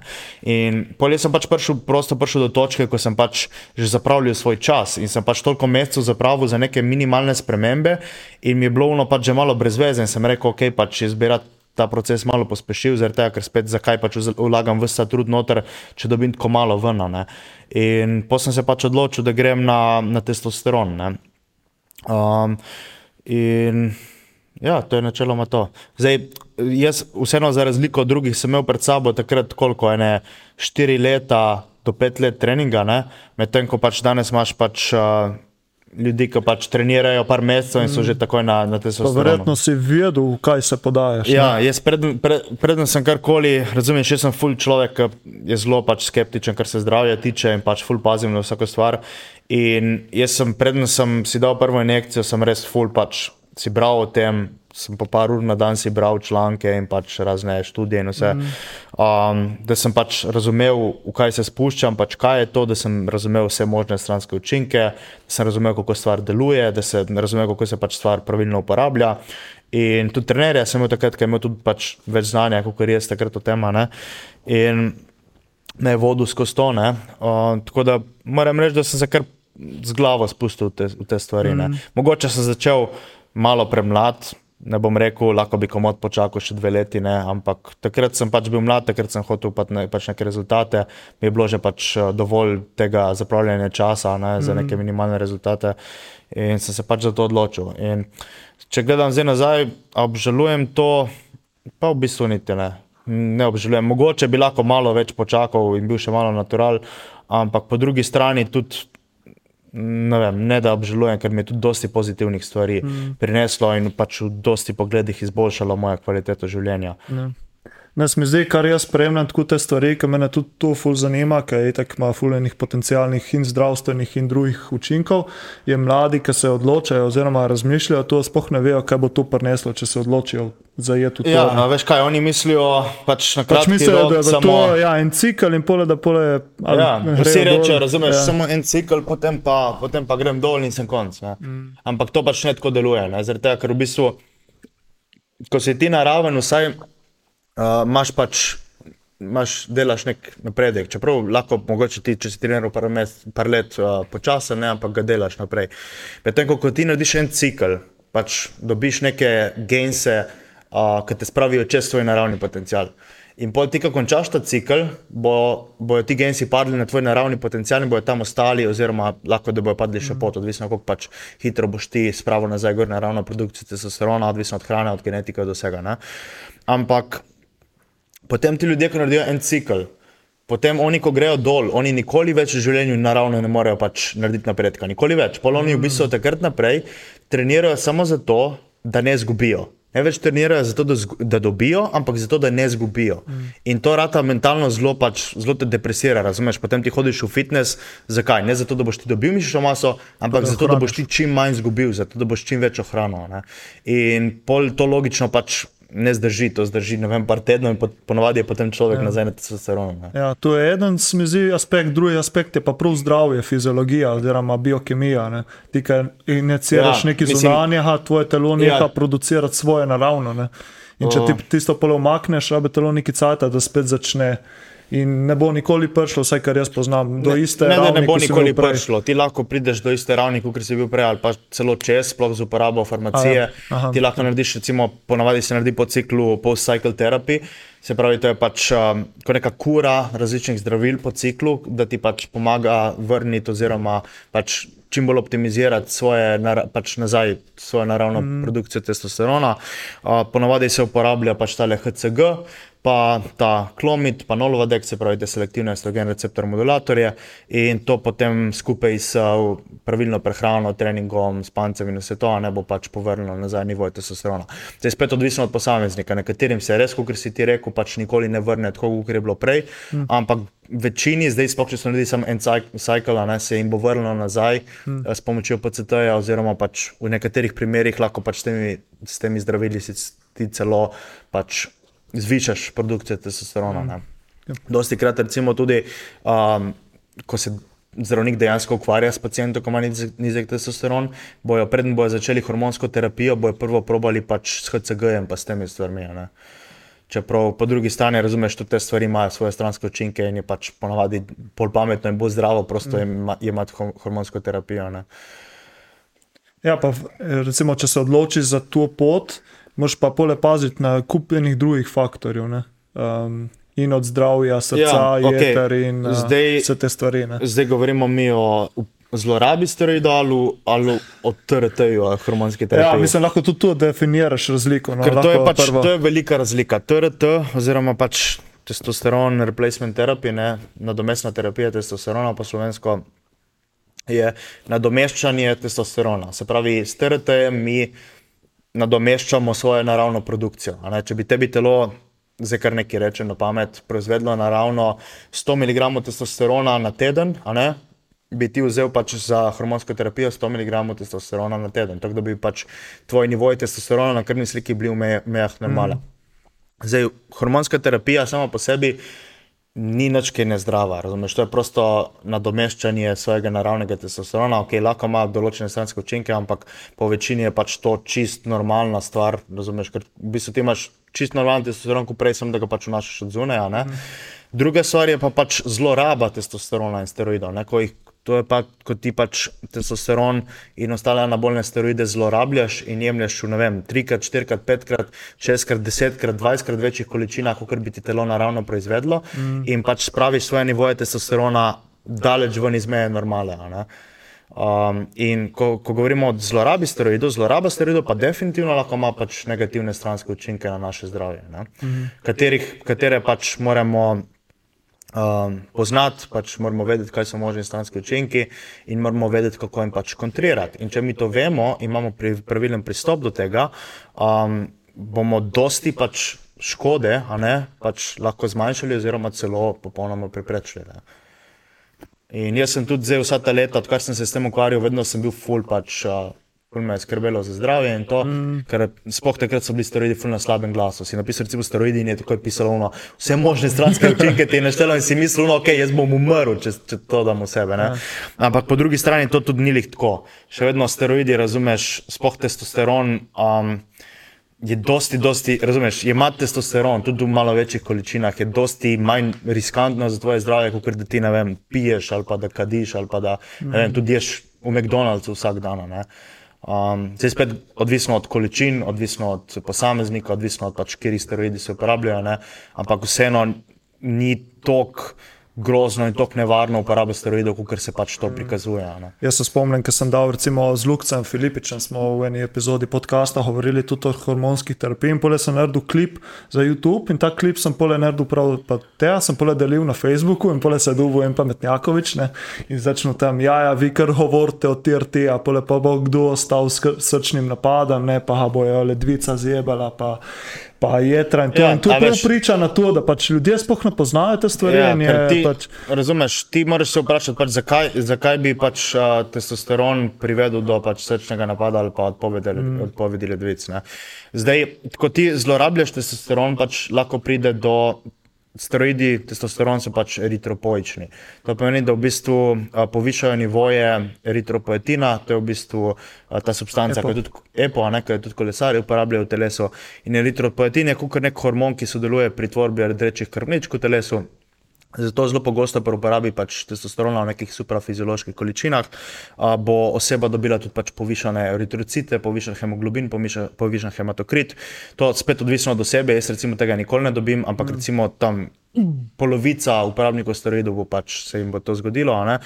In a, posledično, razumeš, lahko pride tudi do pač povišanega krvnega tlaka, zaradi tega, ker v bistvu um, steroidi preaktivirajo tale uh, renin, angiotensin, aldosteron sistem Aha. in zvišajo pač angiotensin 2, ki je v bistvu ta hormon, ki, um, kako bi rekel, krči žile mm. a ne, in pač dviguje krvni tlak. In Posledično lahko se pravi zaradi zlorabe steroidov pride do povišanja, krvnega tlaka, a, povišane pač gostote krvi. a Um, in to, to dvoje je pač slabo in za ledvico, in za srce. a. Povišana gostota krvi, povišan krvni tlak pač lahko poviša rizik za kakšne krvne strdke. Zato recimo, kdaj pri bodybuilderjih pač pride do krvnega strdka, pa dobijo infarkt. A, povišan um, krvni tlak, pa prekomerna telesna teža, ne pač sta slabo za ledvico. ne. Tako da mi lahko v bistvu vse te rizike pač skoraj popolnoma, oziroma popolnoma izničimo, če vemo, kaj delamo, kako pač pristopiti do teh stvari. Recimo, prvo, kot prvo je pač treba paziti, da če že imaš povišen hematokrit, če imaš pregosto kri, da pač poskrbiš, da je ta kri redka in da pač nimaš nekega, da, da zmanjšaš rizik za razne krvne strdke. Zato v tem primeru je zelo smiselno dodajati razne pač prvo s kakšnimi naravnimi suplementi, kakšno ribje olje, kurkuma, recimo česen, pa tudi en suplement, če pa mogoče poznaš, je NATO kinaza. Mm, no, je v bistvu slišal, ja. nek, iz neke japonske hrane, ampak v bistvu deluje. Um, Zelo močno ti zniža rizik za razne tromboze, pa razne krvne strdke, oziroma celo lahko razbija, uničuje krvne strdke v telesu, če so na, na pr- nepravilnih mestih. Um, in z jemanjem teh stvari, oziroma kdaj, če je pač hematokrit dosti povišan, je zelo priporočljiv, kot aspirin, a ne, a, da se pač kri, razumeš, malo zreči in da pač um, se zmanjša rizik za krvne strdke, s tem boš pač neutraliziral ta rizik, ki ti ga pač steroidi zvišajo. Ne? In boš ta stranski učinek, oziroma pač izničil. ne. Um, zdaj, kar se tiče kakšnega darovanja in krvi ali tega, ne za pač uh, nižanje gostote krvi, pride tudi upoštev, ampak pač je malo bolj zakompliciran proces, ni ono, da boš samo zdaj pač šel darovati kri in je to to. ne. Zaradi tega, ker pol lahko pač pride do rebounda in pač hematokrit uh, mm. gre še više, kot je bil prej. ne. Uh, pa lahko pride do pač uh, prenizke količin železa in feritina, ne, kar pač tudi ni dobro. Tako da pač darovanje krvi je treba pač uh, izvesti pametno. Ne. a, S pravilno frekvenco, ampak v primeru, da je pač hematokrit, hemoglobin, eritrociti so rahlo povišeni, se samo pač uh, poskrbi za neko pač, uh, za to, da je kri redka in da se pač ne pride do nekih krvnih strdkov. Ne. Um, Zdaj, kar se tiče neke povišanega rizika za razne krvavitve s temi naravnimi dodatki na aspirinom, ok, sej pač povišaš malo rizik za krvavitve, ampak spet ponovadi pri bodybuilderjih, ki imajo pač gosto kri, pa dosti mišične mase, um, spet ni tako nevarno. Ne? Mm. Pač spet je dosti ve- večji rizik med pač gosto kri in pač uh, ne ima tega, kot pač ima to. ne. Um, Zdaj, kar se tiče kakšnega tega povišenega angiotensin 2, aldosterona in tega, ne, zato se lahko uporablja pač uh, razne, pač te, če si slišal, ACE inhibitorje ali pa uh, angiotensin receptor blokerje, kot so recimo telmisartan, uh, valsartan, azosartan, zdaj pri ACE inhibitorjih, kakšnih uh, tale lisinopril, perindopril in tako dalje. ne. Uh, to so pač v bistvu zdravila, ki jih ponovadi um, zdravniki predpisujejo za nižanje krvnega tlaka. Mm. Um, in lih to v bistvu, ker steroidi pač overaktivirajo, preaktivirajo ta sistem. ne, Ti z jemanjem teh zdravil lahko pač znižaš to v mejo normale in pač uh, preprečiš ta stranski učinek ne, in preprečiš pač ta dvig krvnega tlaka, ki bi ti, če ne steroidi, lahko povzročili. Čeprav zdaj bom spet izpostavil, da to ne, zdaj, ko to govorim, to ne pomeni, da pač vsak, ki uporablja steroide, mora biti na aspirinu, mora biti na, ne vem, mm. ACE inhibitorju, definitivno ne. V primeru, da pač logično, ne, če imaš ti povečan krvni tlak, boš pač prvo probal to po naravni poti nekako zrihtati. Ne, boš mogoče delal malo več kardija, boš mogoče pač uh, malo spremenil prehrano, boš mogoče imel kak naraven dodatek prvo. Če to ne bo pomagalo, ja, definitivno, greš do zdravnika, vprašaš za recept, poveš iskreno, pač uporabljam to in to, me je strah za to in to, dajte mi prosim napisati recept. Ta zdravila so zelo varna, v red, zelo redkih primerih lahko pride do kakšne hiperkalemije ali kaj takega, ampak to se je tako da vse pač spremljati s krvno sliko.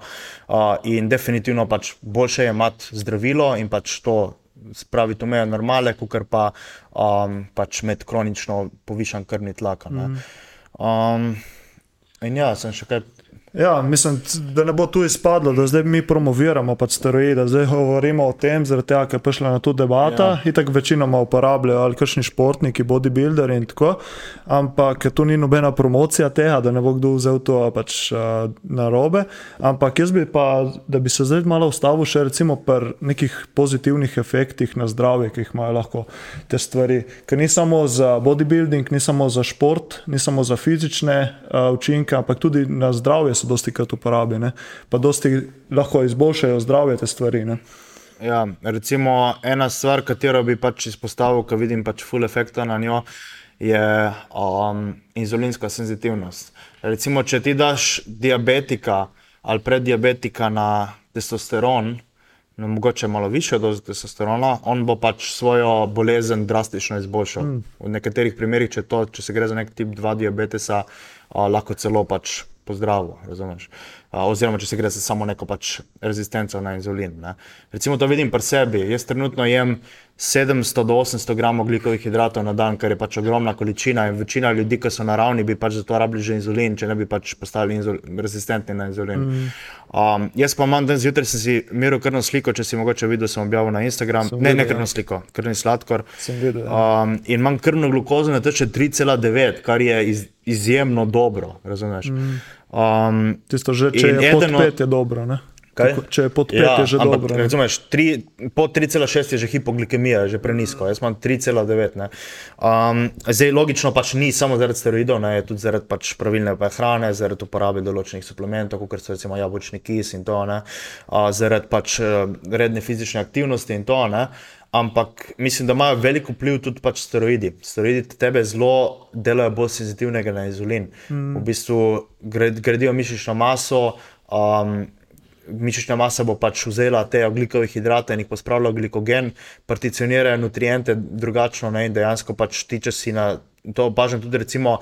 Na višjih dozah steroidov si še bolj senzitiven na inzulin, kot na, na nižjih dozah steroidov. Tako da, kar se tiče raznih rezistenc na inzulin in pač diabetesa in tega, pač steroidi v tem primeru direktno zelo zdravijo te stvari.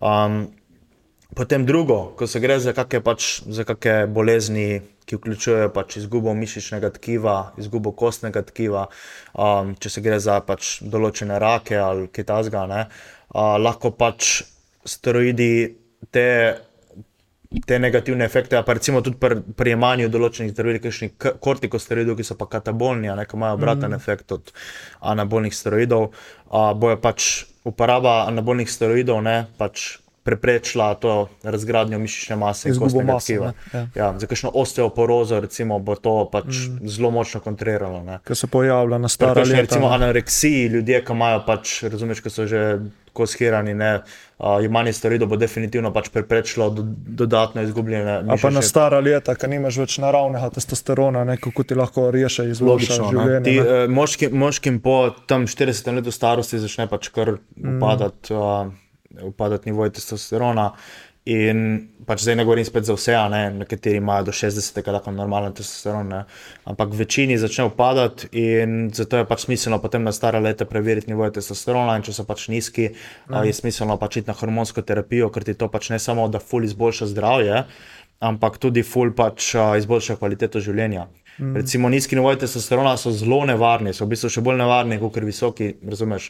Ti boš imel še več stanskih učinkov, če, če imaš ti nizek testosteron, kot pa če ti zlorabljaš testosteron, dosti več. A, ti boš, razumeš, imel probleme, boš izgubljal mišično maso, boš izgubljal a, kostno maso, boš izgubljal um, moči, ne boš imel, razumeš, ne boš imel energije, ne, slabo se boš počutil, bil boš depresiven. Ja, A, to. riskiral boš diabetes, zaradi tega, ker boš dosti manj senzitiven na inzulin, kortizol se ti bo zvišal ne?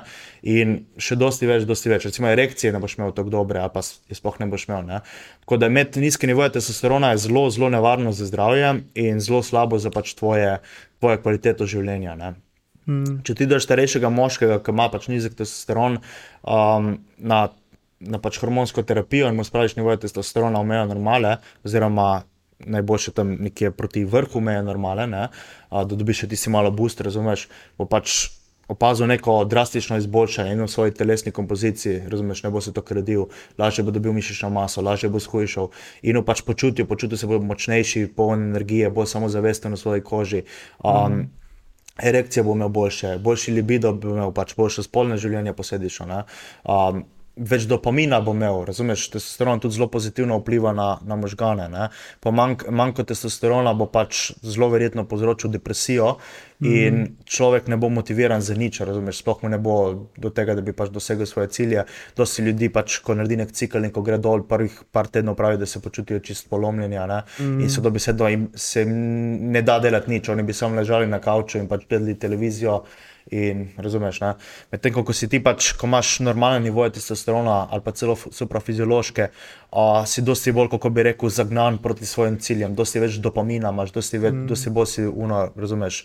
Um, let's go. ne. Ja. Um, Driven, ne. Ja. Tako da ja, in če dosti drugih uh, stvari bi lahko pač govorili, ne, pač, kje so še vse pozitivni steroidi. Ne. Ja, mislim, mene je malo škoda, kar jaz spremljam, pa gledam, ker recimo v zdravniški stroki še ni, pač, ni toliko. Ja, to je Poznano neka, to, ja. ful, mislim, neka ful tabu tema, razumeš? Ja, to? pa recimo zdaj v Ameriki je šlo v drugi ekstrem, ker imajo te tier-tier klinike, Ja. pa dobiš že vsak, ne, tudi če Te- ne ja, rabiš za tam je zdravje. ekstrem. Tle Ja. pri nas pa ni šans, da dobiš. Recimo sem imel prijatelja, ki sem ga spoznal preko spleta, je pač prišel do mene, da smo se malo poklepetali od tega. Jaz je rekel, jaz imam nizko testosteron, pa on ne dobi nobenega, ki bi mi dal, zaradi tega, ker je še vedno v meji normale, je rekel. Ne.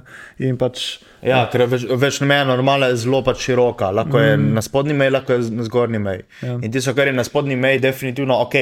Lahko piše na papirju, da je v mejah normale, ampak se ti dejansko optimalno počutiš na tem, ja. imaš optimalen performance na treningih, imaš optimalen sex drive, imaš optimalno počutje, razumeš? Definitivno ne. Je velika razlika, ali imaš ti testosteron na spodnji meji normale, ali imaš ti na zgornji meji normale.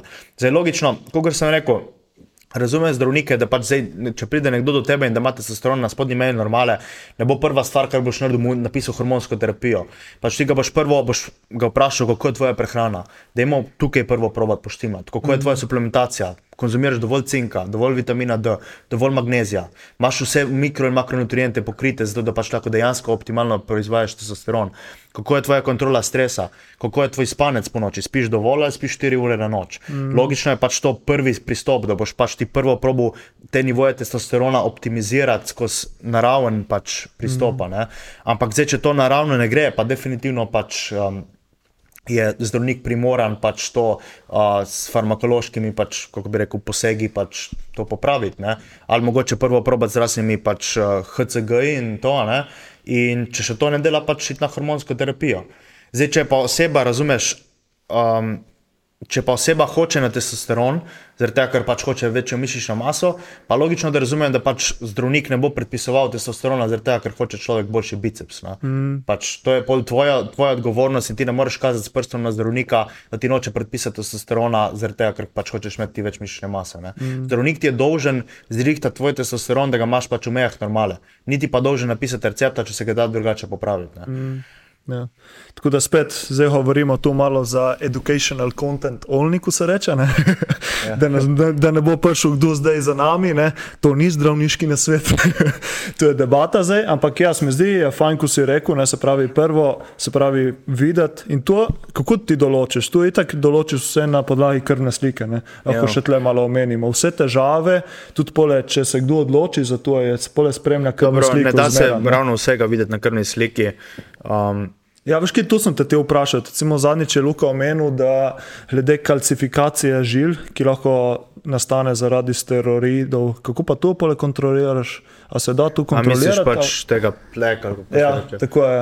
O, ja, Ker to, to se, recimo- to se definitivno lahko kontrolira. Ma kako pa, To- to recimo se- na krvni sliki ne moreš tega? Ali... Ne, to ne moreš videti na krvni sliki, to moraš narediti posebno preiskavo, ker ti mislim, da prav pač skenira žile Aha. in ti vidi, kako zdaj. Jaz tega iskreno še nisem naredil, ampak uh, planiram narediti, razu- razumeš, ker pač, da bi ti v 20-30 imel pač problem s tem, skoraj nemogoče, pač to ponovadi pride potem, ne vem, v, v kasnejših letih.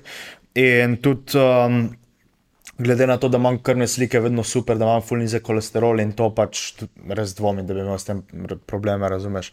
Um, se pa da to vse kontrolirati za pač prvo, ko prvo, kot posod drugot, a ne z pač zdravim načinom življenja. Se pravi, da ješ pač zdravo prehrano, da kontroliraš krvni tlak, da držiš nizek kolesterol, da držiš nizko inflamacijo, ne? da se ukvarjaš redno, da delaš kardio, da se ukvarjaš pač športom, da spiš dovolj, da kontroliraš stres, razumeš. Um, da mogoče jemliš določene pač uh, antioksidante, naravne, zaradi tega, ker v bistvu prekomerna zloraba steroidov povzroča oksidativni stres v telesu, mm. kateremu je pa zelo enostavno kontrirati. Ti prosto moraš pač ima določene antioksidante, bodi si skozi hrano ali pa dodaja, če kakšen super je kakšen vitamin C, kot sem omenil že glutationa ali pa nac, če ne moreš dobiti glutationa, mm. kak melatonin. Melatonin, Vsi ti ja. antioksidanti bojo v bistvu pač eliminirali te, pro, te proste radikale, ki, ki pač pridejo zaradi uporabe steroidov in bojo v bistvu zbalansirali to, uh, ta oksidativni stres in pač preprečili ta stranski učinek steroidov. ne. In Samo pač ljudje tega ne vejo. Razumeš? Ljudje jemljajo steroide, ne vejo pa, kaj so stranski učinki steroidov in ne vejo tega, da dejansko vsem, oziroma večini tem stranskim učinkom se da zelo enostavno kontrirati in jih preprečiti, če ti veš, kaj delaš. ne. Um, In se orientirati po isto, kar se tiče tega pač oblogna v žilju in to, to je vse zelo preprečljivo. To mm. Zelo prepre- preprečljivo. Okay, to je tudi dosti genetsko, razumeš, eni ljudje. Določeni ljudje imajo pač obloge v ožilju že zaradi genetike, ki imajo pač to v družini. Ne, in pač ni nujno zdaj vzrok zaradi steroidov, ne, steroidi pač tako definitivno to poslabšajo. Ampak uh, jaz mislim, da se da to vse preprečiti, ker recimo gledal sem tudi dosti podkastov na to temo. Če poz- poznaš mogoče Vigor Steve pa Chase Irons, ja. ona dva sta jih pred kratkim naredila en um, podcast in ta Chase Irons, mislim, da je v njegovih. Uh, Konc 30 let hmm. in je šel narediti ta test za pač ožilje, in je prišel nazaj rezultat, pač ni imel nič kitazga, ampak mislim, da je imel rahle te obloge. In pol je pač bil to neko, neko opozorilo za njega, da pač mora nekaj narediti v tej smeri. In pol mislim, da je začel neke spremembe narediti pri prehrani, um, več kar je začel delati nekaj tazga, pa dodal neke te naravne dodatke, tudi, kot sem omenil, prej ta NATO kinez, kinaza, ne, ker pač tudi dosti mm. čisti ožilje pa to. Ne. Uh, in še enih par drugih je omenil, da se na, pa, na pamet točno ne spomnim. Uh, in potem je šel, mislim, da ne vem koliko časa kasneje, ampak čez nekaj časa kasneje je šel ponoviti test in je prišel rezultat nazaj nič, vse se mu je spucalo, 100%. Tako da to ti je tudi eno dokazov, da pač ti lahko to zelo dobro kontroliraš. Ja, ne. ampak se mi zdi pomembno, kar si omenil, tu treba biti zavesten in kontrolirati. Ne? Ker če greš v to, če se kdo Jaz- pač to. Jaz, recimo, Ja. ja. ko uporabljam, jaz, jaz hodim, jaz delam vsake dva meseca krvno sliko. Mm. Če uporabljam kakšne oralce, ki jih zelo redko uporabljam, mogoče enkrat na leto, bom naredil sliko takrat vsak en mesec, to, da sem zihar. Uh, ampak, če ne delam s krvno sliko, ponovadi vsake dva meseca, zelo redko, da, da gre več kot dva meseca brez krvne slike. Um, In potem delam enkrat ne, letno, delam pač ultrazvok srca. Zdaj sem bil pred kratkim maja uh, pri kardiologu in imam vse super, nobenih uh, zadebeljenih prekatov ali karkoli, pač vse srce normalno dela, vse je super. Um, potem, če obremenitveno testiranje sem delal, mislim, da eno leto nazaj, ga moram počasi tudi ponoviti. Um, in ja, potem, ko si, ajde, zdaj sem še star 22, ampak potem, ko prideš tam recimo 25 let, pa definitivno počasi začeti spremljati tudi pač, razumeš, tele pač obloge na ožilju, pa to, če se mogoče kaj pojavi. Um, pa kakšna prostata tudi, ampak to se da tudi z dokaj natančno skrbno sliko spremljati. Pač mm. obstaja en marker, ki se kliče PSA, pro, Prostate Specific Antigen Test ali nekaj tasga. Um, kjer pač tudi dokaj natančno vidiš, če mogoče imaš kakšne težave s prostato. ne. Um, In ja, krvna slika ti v bistvu tebi dosti pove, ne moreš pa zelo vsega s krvno sliko preverjati, ne, kdaj je pač potrebno tudi narediti ultrazvok pač notranjih organov, žilja in tega. Ne. Um, in ja, pač to je definitivno, ti si pač dolžen to delati, če, če uporabljaš Če se stvari. odločiš za to. Ja. Ja, pa tudi, če ja. se ne odločiš za to, no, razumeš. Pač koliko, Ja, koliko ljudi ja. na tem svetu ima srčne infarkte, ki ne uporabljajo ja. steroidov? Ja. Koliko ljudi recimo živijo zdravo, zdravo pa, pa imajo srčni infarkt? Razumeš, tudi če si, če si ti naraven, ne pomeni, da si ti perfektno zdrav. Ja, točno ti, če si naraven, logično, moraš tudi delati pač krvne slike, moraš tudi delati ultrazvoke srca, moraš tudi delati uh, pač. Gledati svoje žilje, ne? ker pač ljudje imajo pač obloge na žilju, mm. razumeš, ali je zdravo ali je nezdravo. Ja, se Um, kar pač kdaj se srč, zgodi srčni zaradi, infarkt je še Kdaj se eden, zgodi ja. zaradi genetike, ne, pač, ja. razumeš. Zdaj, če ti ne, nekaj stvari ne uporabljaš, ne pomeni, da pač ti ne rabiš tega preverjati. Ne. Vsak mora to preverjati, vsak je dolžen to preverjati. Ne. Uh, zdaj, samo pač logično, če, če si ti uporabnik steroidov, da imaš pač nek ve, večji risk, ker neka pač splošna populacija. Ne. Um, je to smiselno bolj pogosto preverjati. Čeprav spet, odvisno, če imaš ti večji risk, kot splošna populacija. Zaradi tega, ker uporabniki steroidov so ponovadi bolj zdravi, kot splošna popula- populacija. Mm. Zakaj? Zaradi tega, ker ok, mi uporabljamo steroide, ampak mi delamo vse drugo v našem življenju, to si bo zdravo, kot večina ostalih ljudi. Mi jemo zdravo, mi ne jemo junk hrane, mi, jemo, a, mi delamo kardio, mi jemljemo razne pač dodatke za zdravje, razne antioksidante se ukvarjamo s, eh, s športom, spimo dovolj, gledamo na spanje, gledamo na stres. Tako da v bistvu, ok, zlorabe steroidov pač ena stvar, ki je nezdrava pri nas. Ampak vse ostalo je pa dosti bolj zdravo, kot pač nek average človek, ki živi. Ne? Gledaš druge, mogoče ok, človek ne uporablja steroidov, ampak ne vem, je v McDonald'su vsak drugi dan, uh, prehranjuje se 60-70% samo z junk hrano. Uh, manjka mu deset različnih vitaminov, Pije vsak dan, deset različnih dan. mineralov, pije pivo, za vikend se nažge, tako da konča v bolnici. Kmali, um, kadi cigarete, razumeš, spi po 4 ure na noč. To, to je za me pač, desetkrat bolj nezdravo, kot če si ti na, na, ne vem, na 500 mg. Ja, samo to je pa družbeno sprejemljivo, ne. medtem ko te stvari so pa tabu tema ne, in je ja. avtomatsko pole zaradi tega toliko več pač negativnega obdanja. Ne. Tako da je fajn, da se širijo informacije glede tega. Vem, da tudi jaz pred leti sem bil ful bolj zahte- zategnjen glede tega, ja. kot sem zdaj. Ne. Ker recimo, sem začel spoznavati, koliko enih teh koristi ima na zdravje, če uporabiš pravilno. Ja, mogoče še ena korist, da bi omenil, je to, da ljudje, ko grejo na steroide, začnejo ful bolj paziti na svoje zdravje. Mm. Definitivno, zdaj tega, ker pač to skoraj vsak človek, jaz opazim, ker začnejo pač imati steroide in imajo pač zadnji podzavesti to, da pač uporabljajo steroide. In avtomatsko začnejo se bolj izobraževati in bolj paziti na svoje zdravje, začnejo bolj paziti na svoje A to prehrano. misliš zato, ker hočejo preprečiti kakšne. Um, Ja, na- nasploh ratajo bolj ozaveščeni o svojem zdravju. Ne, Ker so oni naravni, oni mislijo, da pač zato, ker je pač uh, alkohol in cigareti legalni, to, to ni tak problem. To razumeš, jaz lahko to delam, uh, dokler sem mlad, ne bom imel problemov. ne.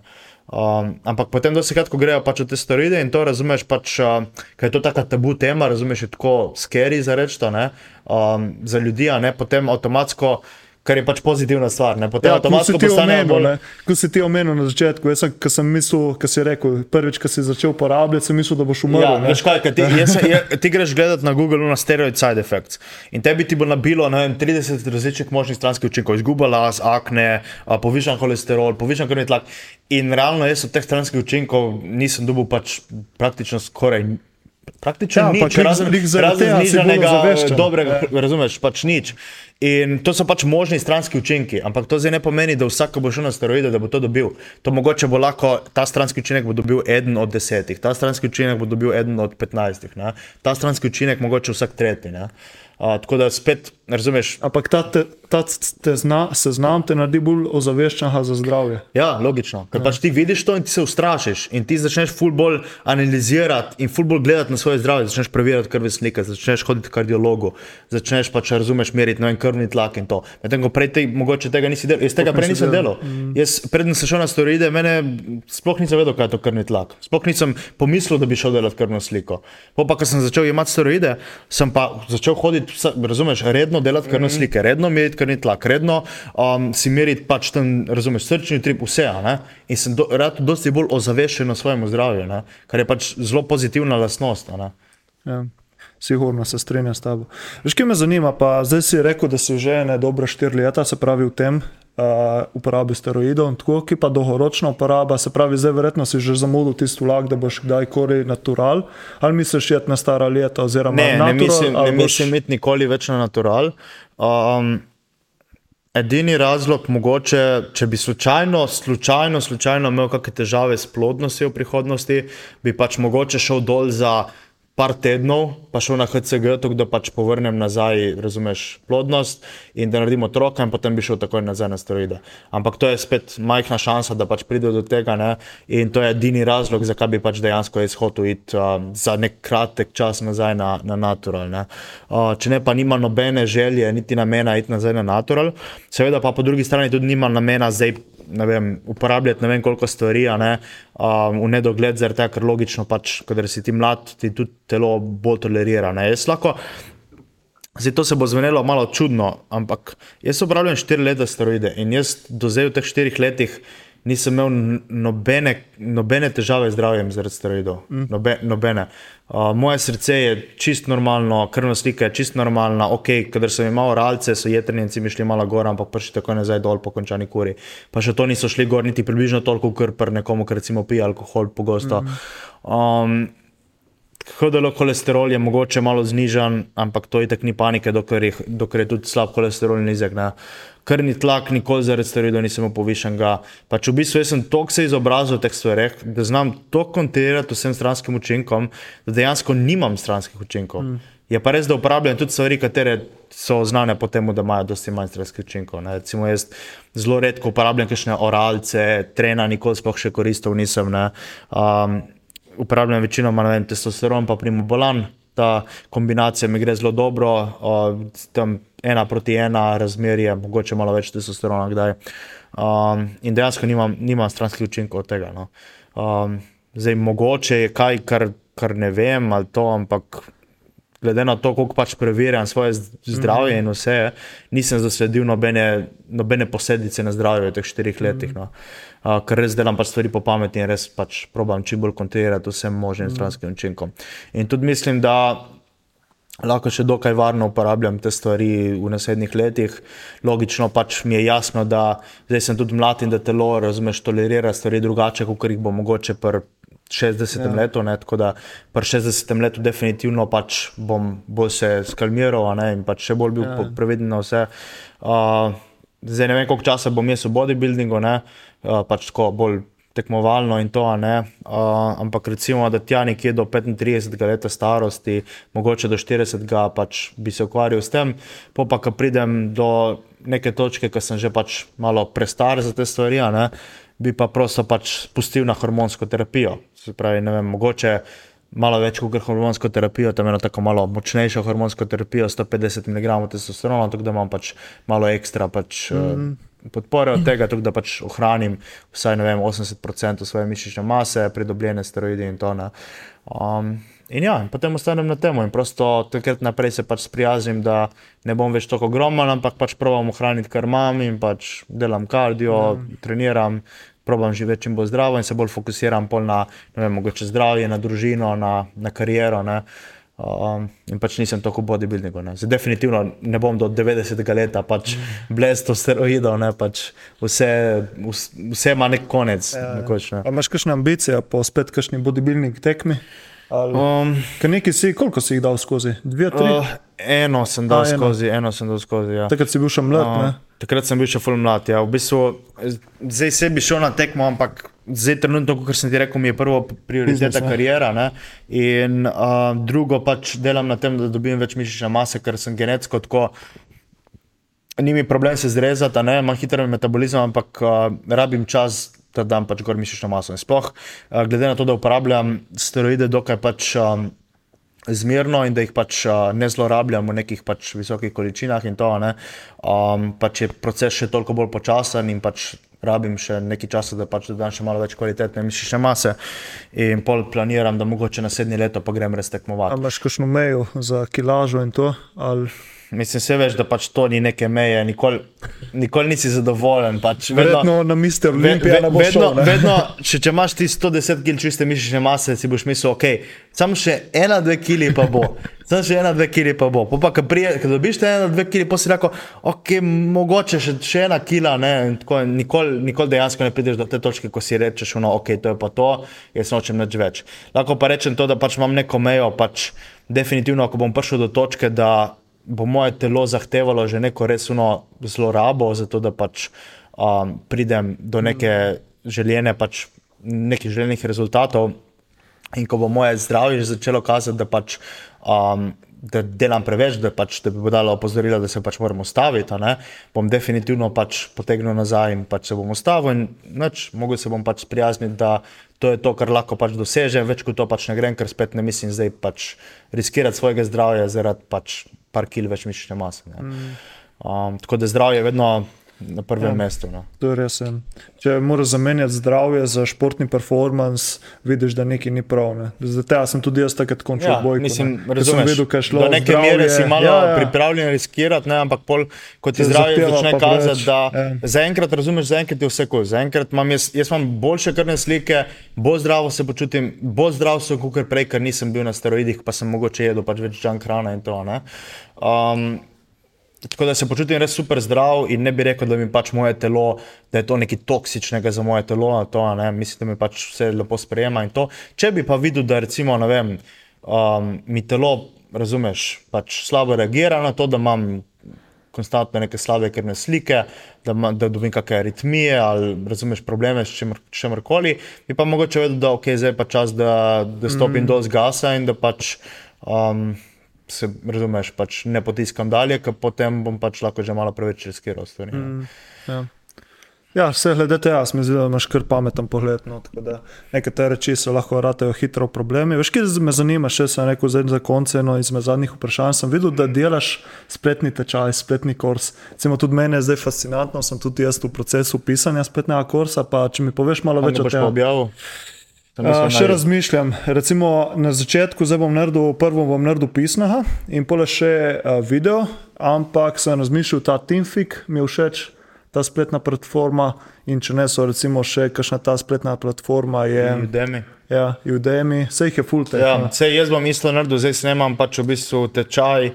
Kar se mi je zdela zelo dobra ideja, in to, da pač malo širim svoje znanje, in hkrati pač, da naredim sebi nek pasivni dohodek. Ne? Mm. V bistvu ta tečaj ti enkrat objaviš, in potem se ti lahko prodaje ja. leta in leta. Ne? In ti uložiš delo enkrat, potem pa pač naprej samo profitiraš to, to, od ja. tega. Um, zdaj, uh, kar se tiče pač jaz ta tečaj bo, po mojem, tam med 4 in 6 ur dolg, nekaj tasga. Uh, kar je pač krajši kontent, je pač logično za stojno na YouTubu mm -hmm. in to, ne? ampak kar bo pač tako dolg kontent, bom pač prodajal kot tečaj, ker mislim, da si pač zaslužim tudi neko plačilo za ja, to, ne, pa, da bom pač za stojno snemo tako dolgo vsebine. Um, In v bistvu zdaj delam tečaj na temo pač izgube maščobe. In A, v bistvu okay. grem vse razbiti dol detajle, razla, razumeš na začetku pač osnove, metabolizem, kako deluje metabolizem, kalorije, kako šteti kalorije, kako vedeti, koliko pokuriš, um, makrohranila, mikrohranila. Um, Meal timing, kako se staviti, pač, razumeš, komplet izguba maščobe, prehrana, trening, hormoni, uh, suplementacija, vse v detalj pač razložim. In tako da se lahko pač iz tega tečaja učijo, pač dobesedno vsi, ki so mhm. v to temo zainteresirani. Ali si pač sam hočeš izgubiti maščobo, ali si pač nek trener in hočeš svojim strankam ali pa svojim vem, prijateljem izgubiti maščobo, ne? ali pa si prosto ti pač zainteresiran v to temo in bi se rad nekaj naučil. Uh, zdaj ceno, ne vem, koliko bom dal, po moje bom če bi, če bi dobil 100% denarja, po mojem, ne bi dal neki, razumeš, bi dal neki 50 evrov. Ja, tako, ja. Ampak glede na to, da pač te spletne platforme, mislim, da poberajo kar dosti denarja zase, mm. da pa, če hočem narediti nek realen dobiček, pač moram dati, ja, po mojem, tam med 80 in 100 evrov, ne, da pač dobim nekaj. Ne. Uh, ker pač oni poberajo kar velik procent, mislim, da. Um, Tako da, ja, zdaj ga v bistvu snemam, zdaj sem posnel recimo tam 60-70 procent. Ah, nice. uh, zdaj sem še sfiniširam, potem še malo zeditiramo.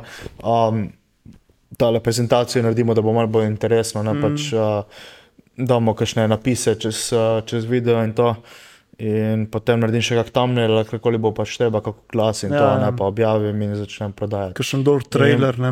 Ja, po, po, bom videl, po bom videl, kako bo dalje pač, uh, delovalo, kako se bo prodajalo in to, ne? in če bo pač bilo vredno, če bo ta zaslužek bil vreden tega, ja. bom definitivno pač posnemal dalje še na druge teme. Ne? Kaj tako imam dosti tematiko v glavi. Ne? Ja, tako ti lahko najboljše, najboljše pa razmišljam, da tudi, da bi mogoče naredil svojo spletno stran in tam predajo, predajo tudi tečaje.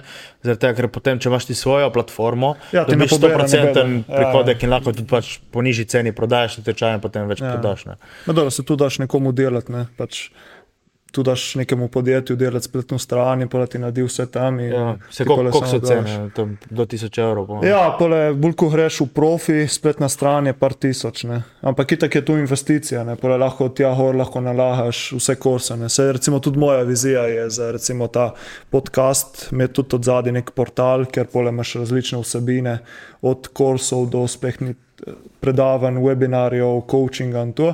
Ampak je fajn pač testirati, provati z enim, ne, da vidiš, koliko se prodaja in uh, pole naprej, če ljudje zgrabijo.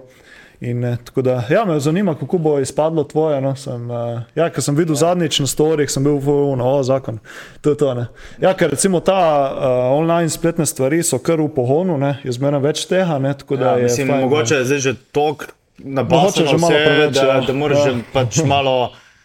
Ker se mi zdi, da par let nazaj je bilo tako neko obdobje, ko si pač na izi dobil denar. Razumeš, ja. ti si prosto, ne vem, ker ni bilo še toliko influencerjev in tega, si malo objavil na Instagram, si dobil 100 tisoč followerjev in si rad obogataš. Mm, ja. uh, zdaj pa tako, toliko ene tekmovalnosti je toliko pač. Uh, vsak drugi hoče biti pač nek, razumeš, nek influencer, Influencer, uh, hoče pač, razumeš, in je dosti, dosti več neke konkurence, dosti več truda moraš vložiti v to. Ne.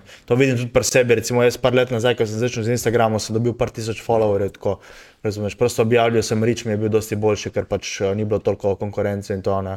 Um, zdaj pa je dosti vedno težje, vedno težje, ja. vedno boljše, moraš, moraš delati vsebino, ki bo pač izstopala in ki bo pač boljša od ostalih, če hočeš pač dejansko pritegniti neke full pozornosti. Ne? Tega, ker če ti prosto delaš neko, uh, nekaj, kar delajo vsi ostali, pol pač razumeš. Še milijon ostalih dela, pa še Ja. isto kot ti. Ne, pač ne boš.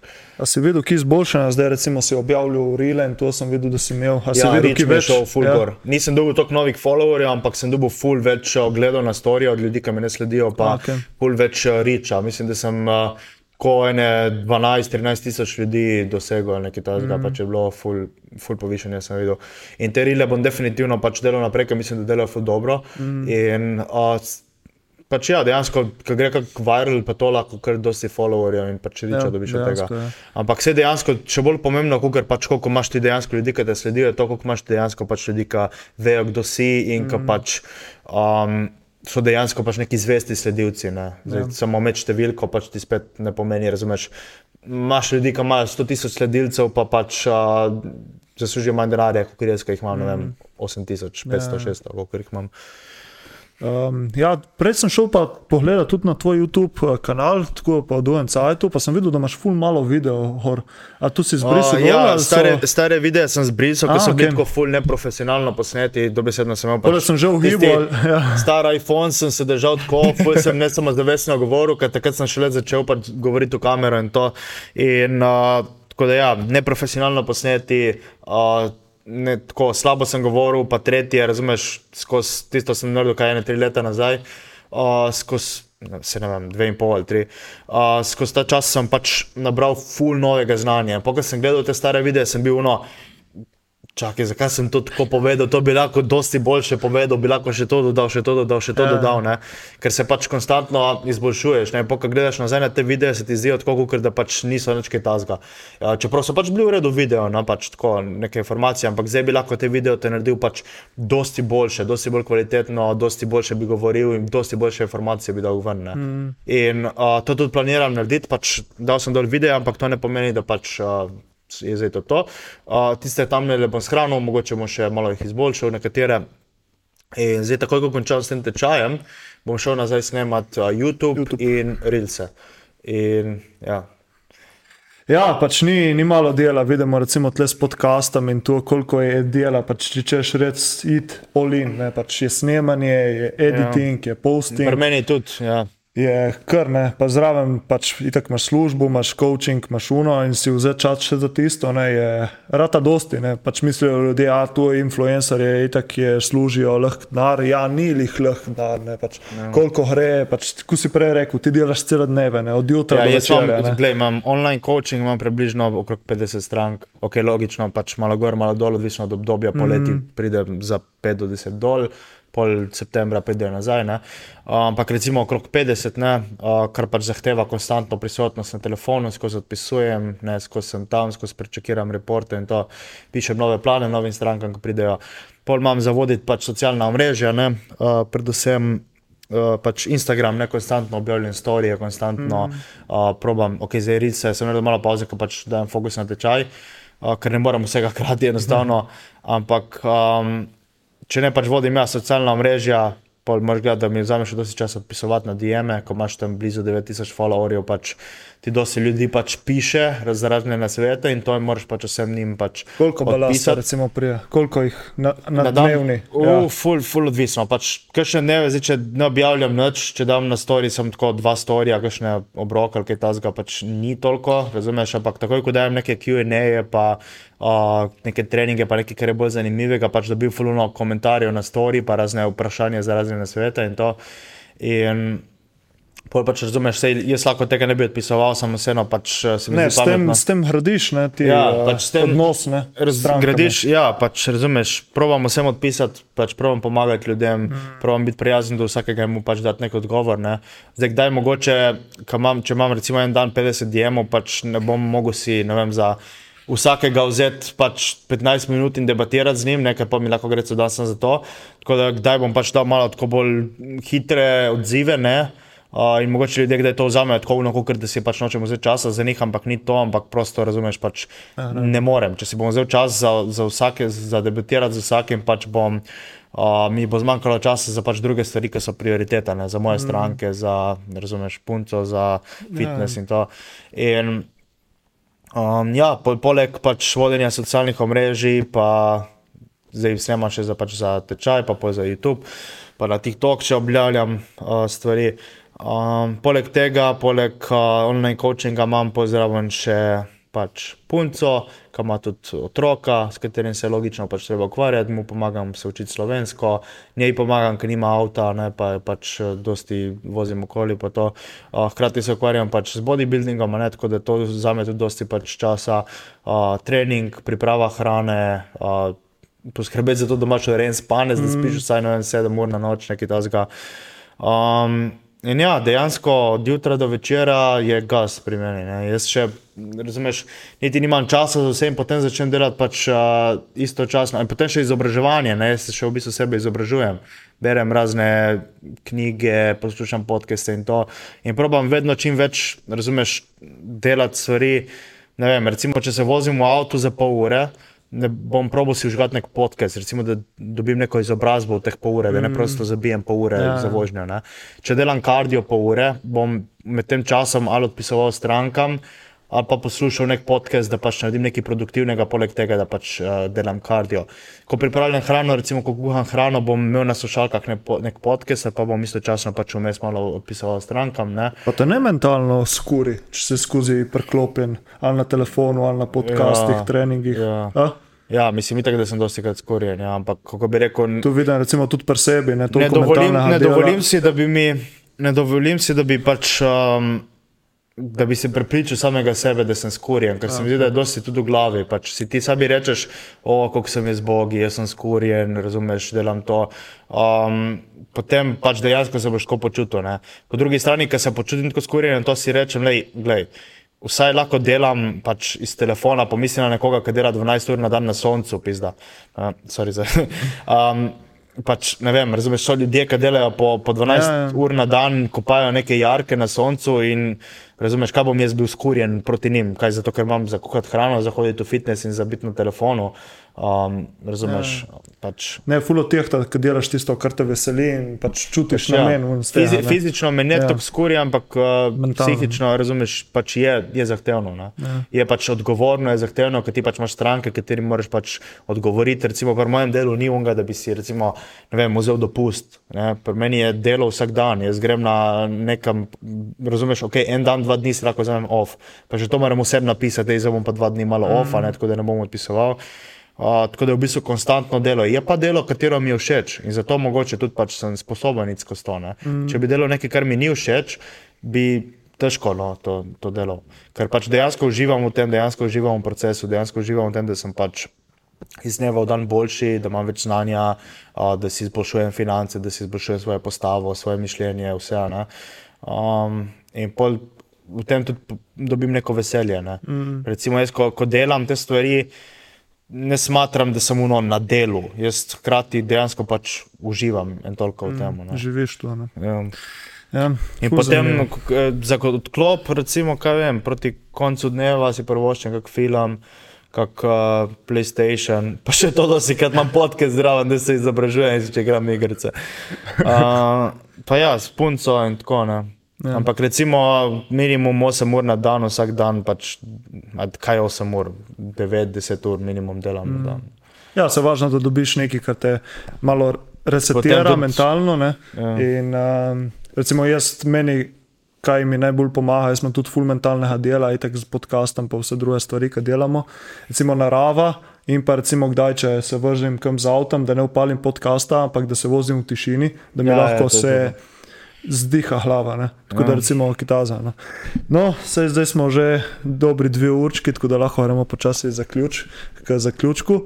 Zdaj zadnje dve vprašanje, kot si prej videl, ki se nisi pripravil, si rekel, je malo bolj tako za, v bistvu za vsak konc podcasta, za vsakega gosta imamo dve vprašanje, ki so direkt vezani na tematiko dobrega počutja, oziroma tematiko podcasta dobro počutje. Kaj za te pomeni dobro počutje, pa tri na sveti za več dobrega počutja. Steroidi, hrana in trening. Evo, to je to. Ne, se kaj. Uh, dobro počutje za me pomeni pismo, ne vem, kako bi to. Um,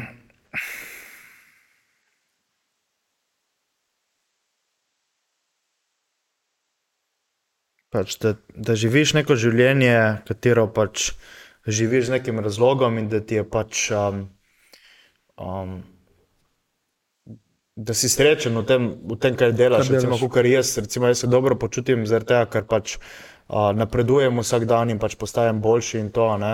Um, zdaj, dobro počutje, razumeš, to bi lahko kakorkoli definiral dobro, dobro počutje. Ne? Za nekoga je lahko dobro počutje. Ja, a, ja, ma piti se, pivo, to, pa, točno, pa, točno to iščemo. Za vsakega posameznika je nekaj drugega. Ne? Ja, za me je dobro to, počutje to, da, Ja, ja.